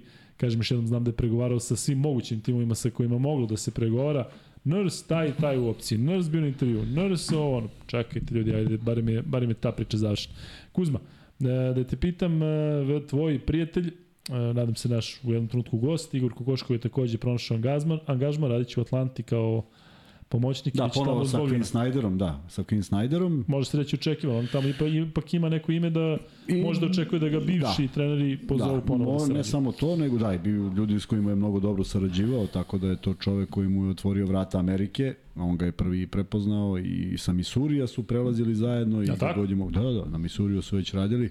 Tako da verujem da nije razlog onaj, e, pošto to tamo jako teško funkcioniše kao mi smo ortaci, nego jednostavno ima poverenje u to što Igor radi i, i mislim da je se postavio kao takav već dugi niz godina. Šteta što ona epizoda u Feniksu nije upalila, mada bilo je priča da je on bio u opticaju za Toronto i da je Rajaković bio u opticaju za Jeste, Toronto. da, nadam se tako da će Darko dobiti Da, vidjet ćemo šta će da biti, ali ovo je još opet jedna, još jedna, jedna nova, novo iskustvo u novom timu, pa vidjet ćemo. E, dobro, ljudi, ajde sada da samo još i završimo priču sa ovim silnim nagradnim igrama. Dakle, Kuzma, hoćemo da izvučemo trećeg Treći, Kuzmanovića. treće Kuzmanovića. Da, treći s familije. E, sad Miksa ovde da samo napravi ovaj color. A sad mora da promeni. Dobro, evo ja otvaram. Đurović 312 gmail.com U, nikad bolje ovaj Gde sam otišao? Čekaj bre. Evo ga. Đurović D 312 gmail.com da se vidi ovo Đurović. Ja stalno puštam pogrešno. Evo je, a. Pa da, ti samo kada Kuzmanović izlače, onda kad njih Đurović. onda, onda sve je čisto. Žao mi je što je izašao Kuzmanović, a drago mi je zbog Aleksandra. Se nadam da, neko mi delo da će taj Aleksandar da povede Vladimira kao na porodicu, na porodicu Kuzmanović, no. Nadam se da neće. E, da. E, Kuzma, imamo još jedan knežak i tri free beta. Jedan knežak za 4-8. Jedan knežak za četiri osobe. Daj neko Hoćeš ti teško neki, pitanje. neko šarkaški jedan kne, knežak. Ajde dok ja smislim neko Ajde, šarkaški. dok ti Da slikam smisliš- prvo da pošaljem našim prijateljima iz Galens. E, a mi možemo da pokušamo da dođemo do 500 lajka, fali nam još, ali ćemo zbog e, vremenskih neprilika morati da, da završamo uskoro, tako da ćemo da ispucamo sva tri free beta. Ako se neko od vas seti, možda nekog slobodno mi šaljite, šaljite ovde ako neko ima neko interesantno poput onog malo pre što se tiče Rastka Cvetkovića. E, Kuzma dok smišlja ovaj e, neko šarkaški. Hoćeš Evo, neko šarkaški za Ja free bet da- ili za ne, knežak? Za, za knežak. Dobro, onda ja moram da ispucam tri u, u glavu Ajde, što se tiče ajde puci, e, puci. tiče free betova. Dobro. Dakle, prvi free bet može da bude e, sledeći. Pošto čekamo Nikolu Jokića da igra protiv e, Bostona ili Majamija u finalu e, NBA lige, e, da se malo podsjetimo e, jedine medalje koje je Nikola Jokić osvojio sa A selekcijom Srbije, odnosno sa reprezentacijom Srbije. K, koja je to medalja i koje godine? Dakle, koja medalja i koje godine i samim tim ćemo znati koje takmičenje. Dakle, ko prvi odgovori dobija prvi max bet free bet. Dakle, jedina medalja koju je Nikola Jokić, naglašavam, sa seniorskom reprezentacijom osvojio uh, osvojio u u reprezentaciji, u reprezentativnom dresu, sada ćemo vidjeti ko odgovori, dakle kažem medalja, koja medalja i koja godina, e, srebro, rip, ali znam da je KG Soul mislio Rio, tako da napisao je Srebto Rip, ali brzo se kucalo, tako da ajde, pa, prsti verovatno su malo šetali, KG Soul 85 šalješ na luka i kuzma gmail.com i ti si dobitnik prvog max betovog e, free beta. Drugi max bet free bet može da bude e, u vezi našeg podcasta, a to je da stavite mesec i godinu kada je počeo podcast Luka i Kuzma i ko prvi Aha. odgovori e, dobije drugi max bet free bet. Jesi ti smislio onaj svoj? Evo, smišljam. Šta, š- na Google Pa kucaš? ne, nešto mi padne Kako da smislim max bet Da. neko šarkaški? E, dakle, prvi koji odgovori e, koje meseca, koje godine smo počeli da radimo, dobit će drugi max bet free bet. Mi možemo da ugasimo, nemamo više nijedan pol, nemamo, a? Nemamo nijedan pol da je aktivno, nemamo, dobre. Nemamo ništa. Nemamo da šta da gasimo. Novembar 2022. nije. E, oktobar 2022. nije i evo ga, tu je naš top koji je odgovorio prvi tačno, 2021. novembar, tako je. 21. ili 22. novembra smo krenuli, tada je bio prvi podcast, evo sada završamo 178. Kuzma, ja ne znam koliko je to sati, ti vjerojatno tamo imaš onim svojim parametrima koliko smo sati. idemo u Mnogo sati smo radili. Hiljade i hiljade sati. Mm, da. dobro, sad bi Kuzma mogao za taj knežak za četvoro da, da mu ga da po nekom šarkaškom Pa stao mi mozak, pravo ti kažem, ali sad ću nešto. Ajde, ćeš ja, evo ja ću jedan neko šarkaški za Imaš neko max šarkaški? bet, free bet. Naravno da imam. Ovaj, i Kako kao i naravno? obično, kao i obično ja ovaj, postavljam postavljam e, pitanja u vezi Sopranos. Ajde, A može? puci. Je to za knežak? Ne, to, kako ti hoćeš? Hoćeš ti za knežak da ti bude tvoj Slobodno ti, ne mogu da razmišljam. Pa imamo ovdje još dva, onda moram ja dva. A, onda ajde, ajde, dobro. Ja ću neko šarkaški, ti ćeš neko šarkaški, ali koji Da, hoćeš da dobro. bude moj? Max Moje bet za ili... knežak. Tvoje je za knežak. I dalje tražiš, a? Ne možeš da nađeš ništa. Kad je e, pesma električnog orgazma Blokirala mi 1984. glava. Dakle, moj, e, moje pitanje u vezi Sopranosa će biti sledeće. Kako se zove glumac koji tumači legendarni lik Johnny Secremonija? Mislim da smo već imali taj, ovaj, taj free bet ranije, nešto slično, ali e, jedan ozbiljan glumac i ozbiljan lik koji, nažalost, e, nema mnogo prijatelja oko sebe koji su glumili u Sopranosima, zato što je mnogo njih poput Franka Vincenta i Jamesa Gandolfinija, mnogi su već otišli. Tako da, e, eto, kako se zove lik koji glumi Johnny, odnosno kako zove glumac koji glumi Johnny Secremonija, Vincent Keratola, Milan Jovanović kaže, Vincent Kuratola je tačno, ali ajde priznaćemo Milanu Jovanoviću, ispadi Milan Milanović koji kaže Vincent Kuratola, ali Jovanović je to prvi model je da je, da je prekopirano sa Google-a, ali ajde, šta da kažemo. Daniel Kugić inače odgovorio EKV, verovatno čekajući tvoj neko šarkaški free bet pa je odgovorio Džaba. u, u napred. Stojan se odgovora Ilija Živodinović. E, dobro, to je to što se tiče mene i sad se nadamo da će Kuzma da, da kaže nešto pa da ćemo moći lagano i da završamo. Pa, ajde, nešto o, o jednom glumcu koji doživljava neverovatne transformacije ovaj, u svojim filmovima i prosto ovaj, Joaquin Phoenix jednom je rekao kad je dobio Oscara da mu je strašno krivo što, što ovaj nekada ne zabrlja.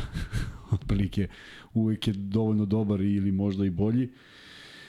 A, proslavio se u različitim filmovima, a jedan od njih je Američki psiho i ajde sad vi brzo recite ko je.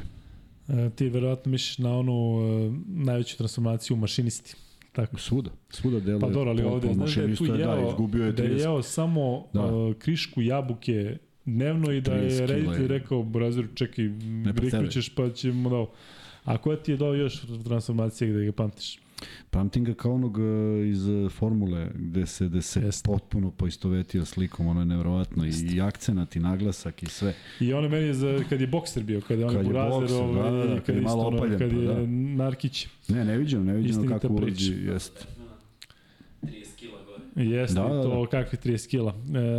E, Christian Bale, on je nešto povezan sa nama, žena mu je nešto pravo, pravoslavne veroispovesti, tako da znam da slavi naše Božiće. Ako se ne varam, možda mu čak žena i poreklom odavde. Ali Christian Bale je tačno To je odgovor Tom Hanks važan. i Tom Hanksa. Da li ćemo priznati Kuzma Bale? Lazar Milantijević je odgovorio prvi i napisao Bale. nećemo, Pa da. Dakle, Laki šalješ na lukajkuzma.gmail.com i lagano možemo da privodimo kraju ovo naše... E, četiri, za 188 četiri osobe, ali tako? Da, Dobro. knežak za četiri osobe. Sada vi samo odgovorite, odnosno kada šaljete na lukajkuzma.gmail.com, samo napišite šta je. Dakle, knežak dvoje, knežak dvoje, knežak četvoro, max bet, free bet, da Kuzma tu može da, da šalje dalje. I eto, imamo, imali smo tri Zlatibora, tri knežaka, tri max bet, free beta, ne znam šta, šta vi još hoćete od nas. Ako neko želi Jasmin, Aleksandar ili, ili Đurović D, da dođe do studija i da primi ovaj lepi Ako ste u voucher. Beogradu, naravno. Ako ste u Beogradu, dobrodošli u četvrtak, samo nam javit ćemo. Da pokažemo još jedan voucher, red, Još jedan voucher. Ajde. Sad će da šuška ovo, bo ponovno će biti šuškanje. Eto vidite. I kakav Tako voucher. Majke mi, stvarno, možemo ga držimo ovako.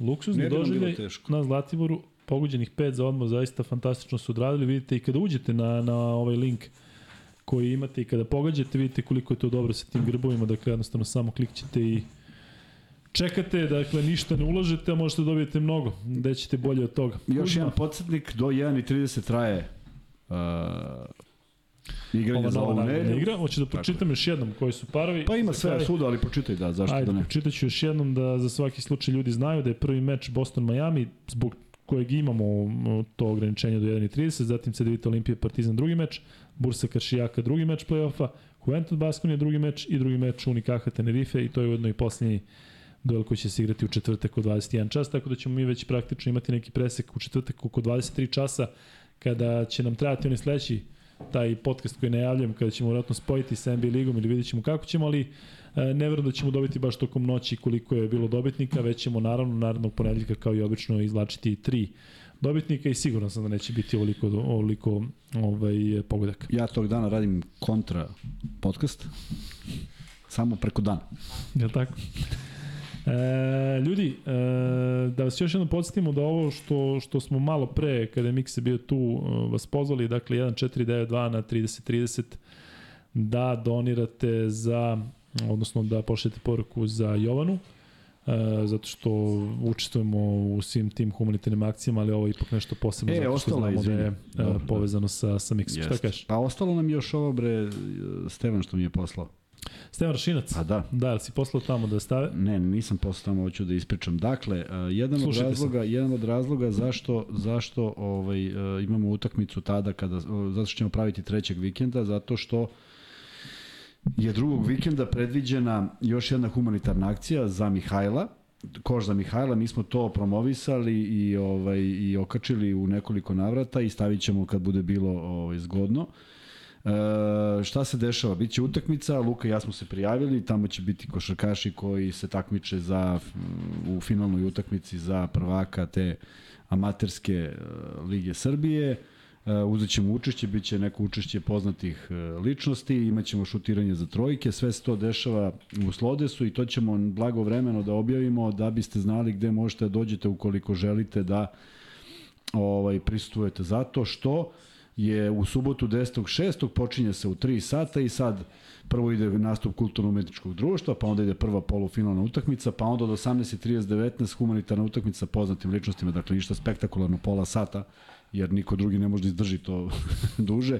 Druga polufinalna utakmica i onda je u nedelju predviđeno da bude utakmica za treće mesto, takmičenje u šutiranju trojki, sve ćemo to staviti kad, šta i kako i onda je finale u pola pet. Zamoljeni smo da i ti ja komentarišemo utakmicu koja će ići u nekom live prenosu, pa da eto time ovaj, doprinesemo još i tom danu. Tako da sa Stevanom ćemo se sve dogovoriti, ali ćemo vas još obavestiti da se da je ceo povod uh, cele ove akcije skupiti novac za Mihajla. E, kažem, već smo okačili, ali ćemo okačiti ponovo i ja sam na storiju danas okačio još jedan, još jedan ovaj link uh, za Isidoru, ako se dobro sećam, samo da pogledam. Jeste. Za Isidoru zamolio me Aleksa Adamović, njen drug, imala je tumor na uh, nije tumor na uh, puko je vratni pršljen, puko je vratni pršljen, treba da se operiše i tako dalje. Operisala se i onda su pluća počela uh, diše samo uz pomoć respiratora, tako da nešto slično ovome što je Miksa rekao, mnogo je toga oko nas i zaista mislim da svako ko može pošalje poruku, makar poruku, je dobro došlo. Što se tiče nas, preko Paypala, ako želite, samo naglasite za koga, mi smo tu da distribuiramo to na drugo mesto. Hvala vam puno što ste bili uz nas. U četvrtak se vidimo od 21 čas. E, budite zdravi, stop nasilju i vidimo se sledeći put.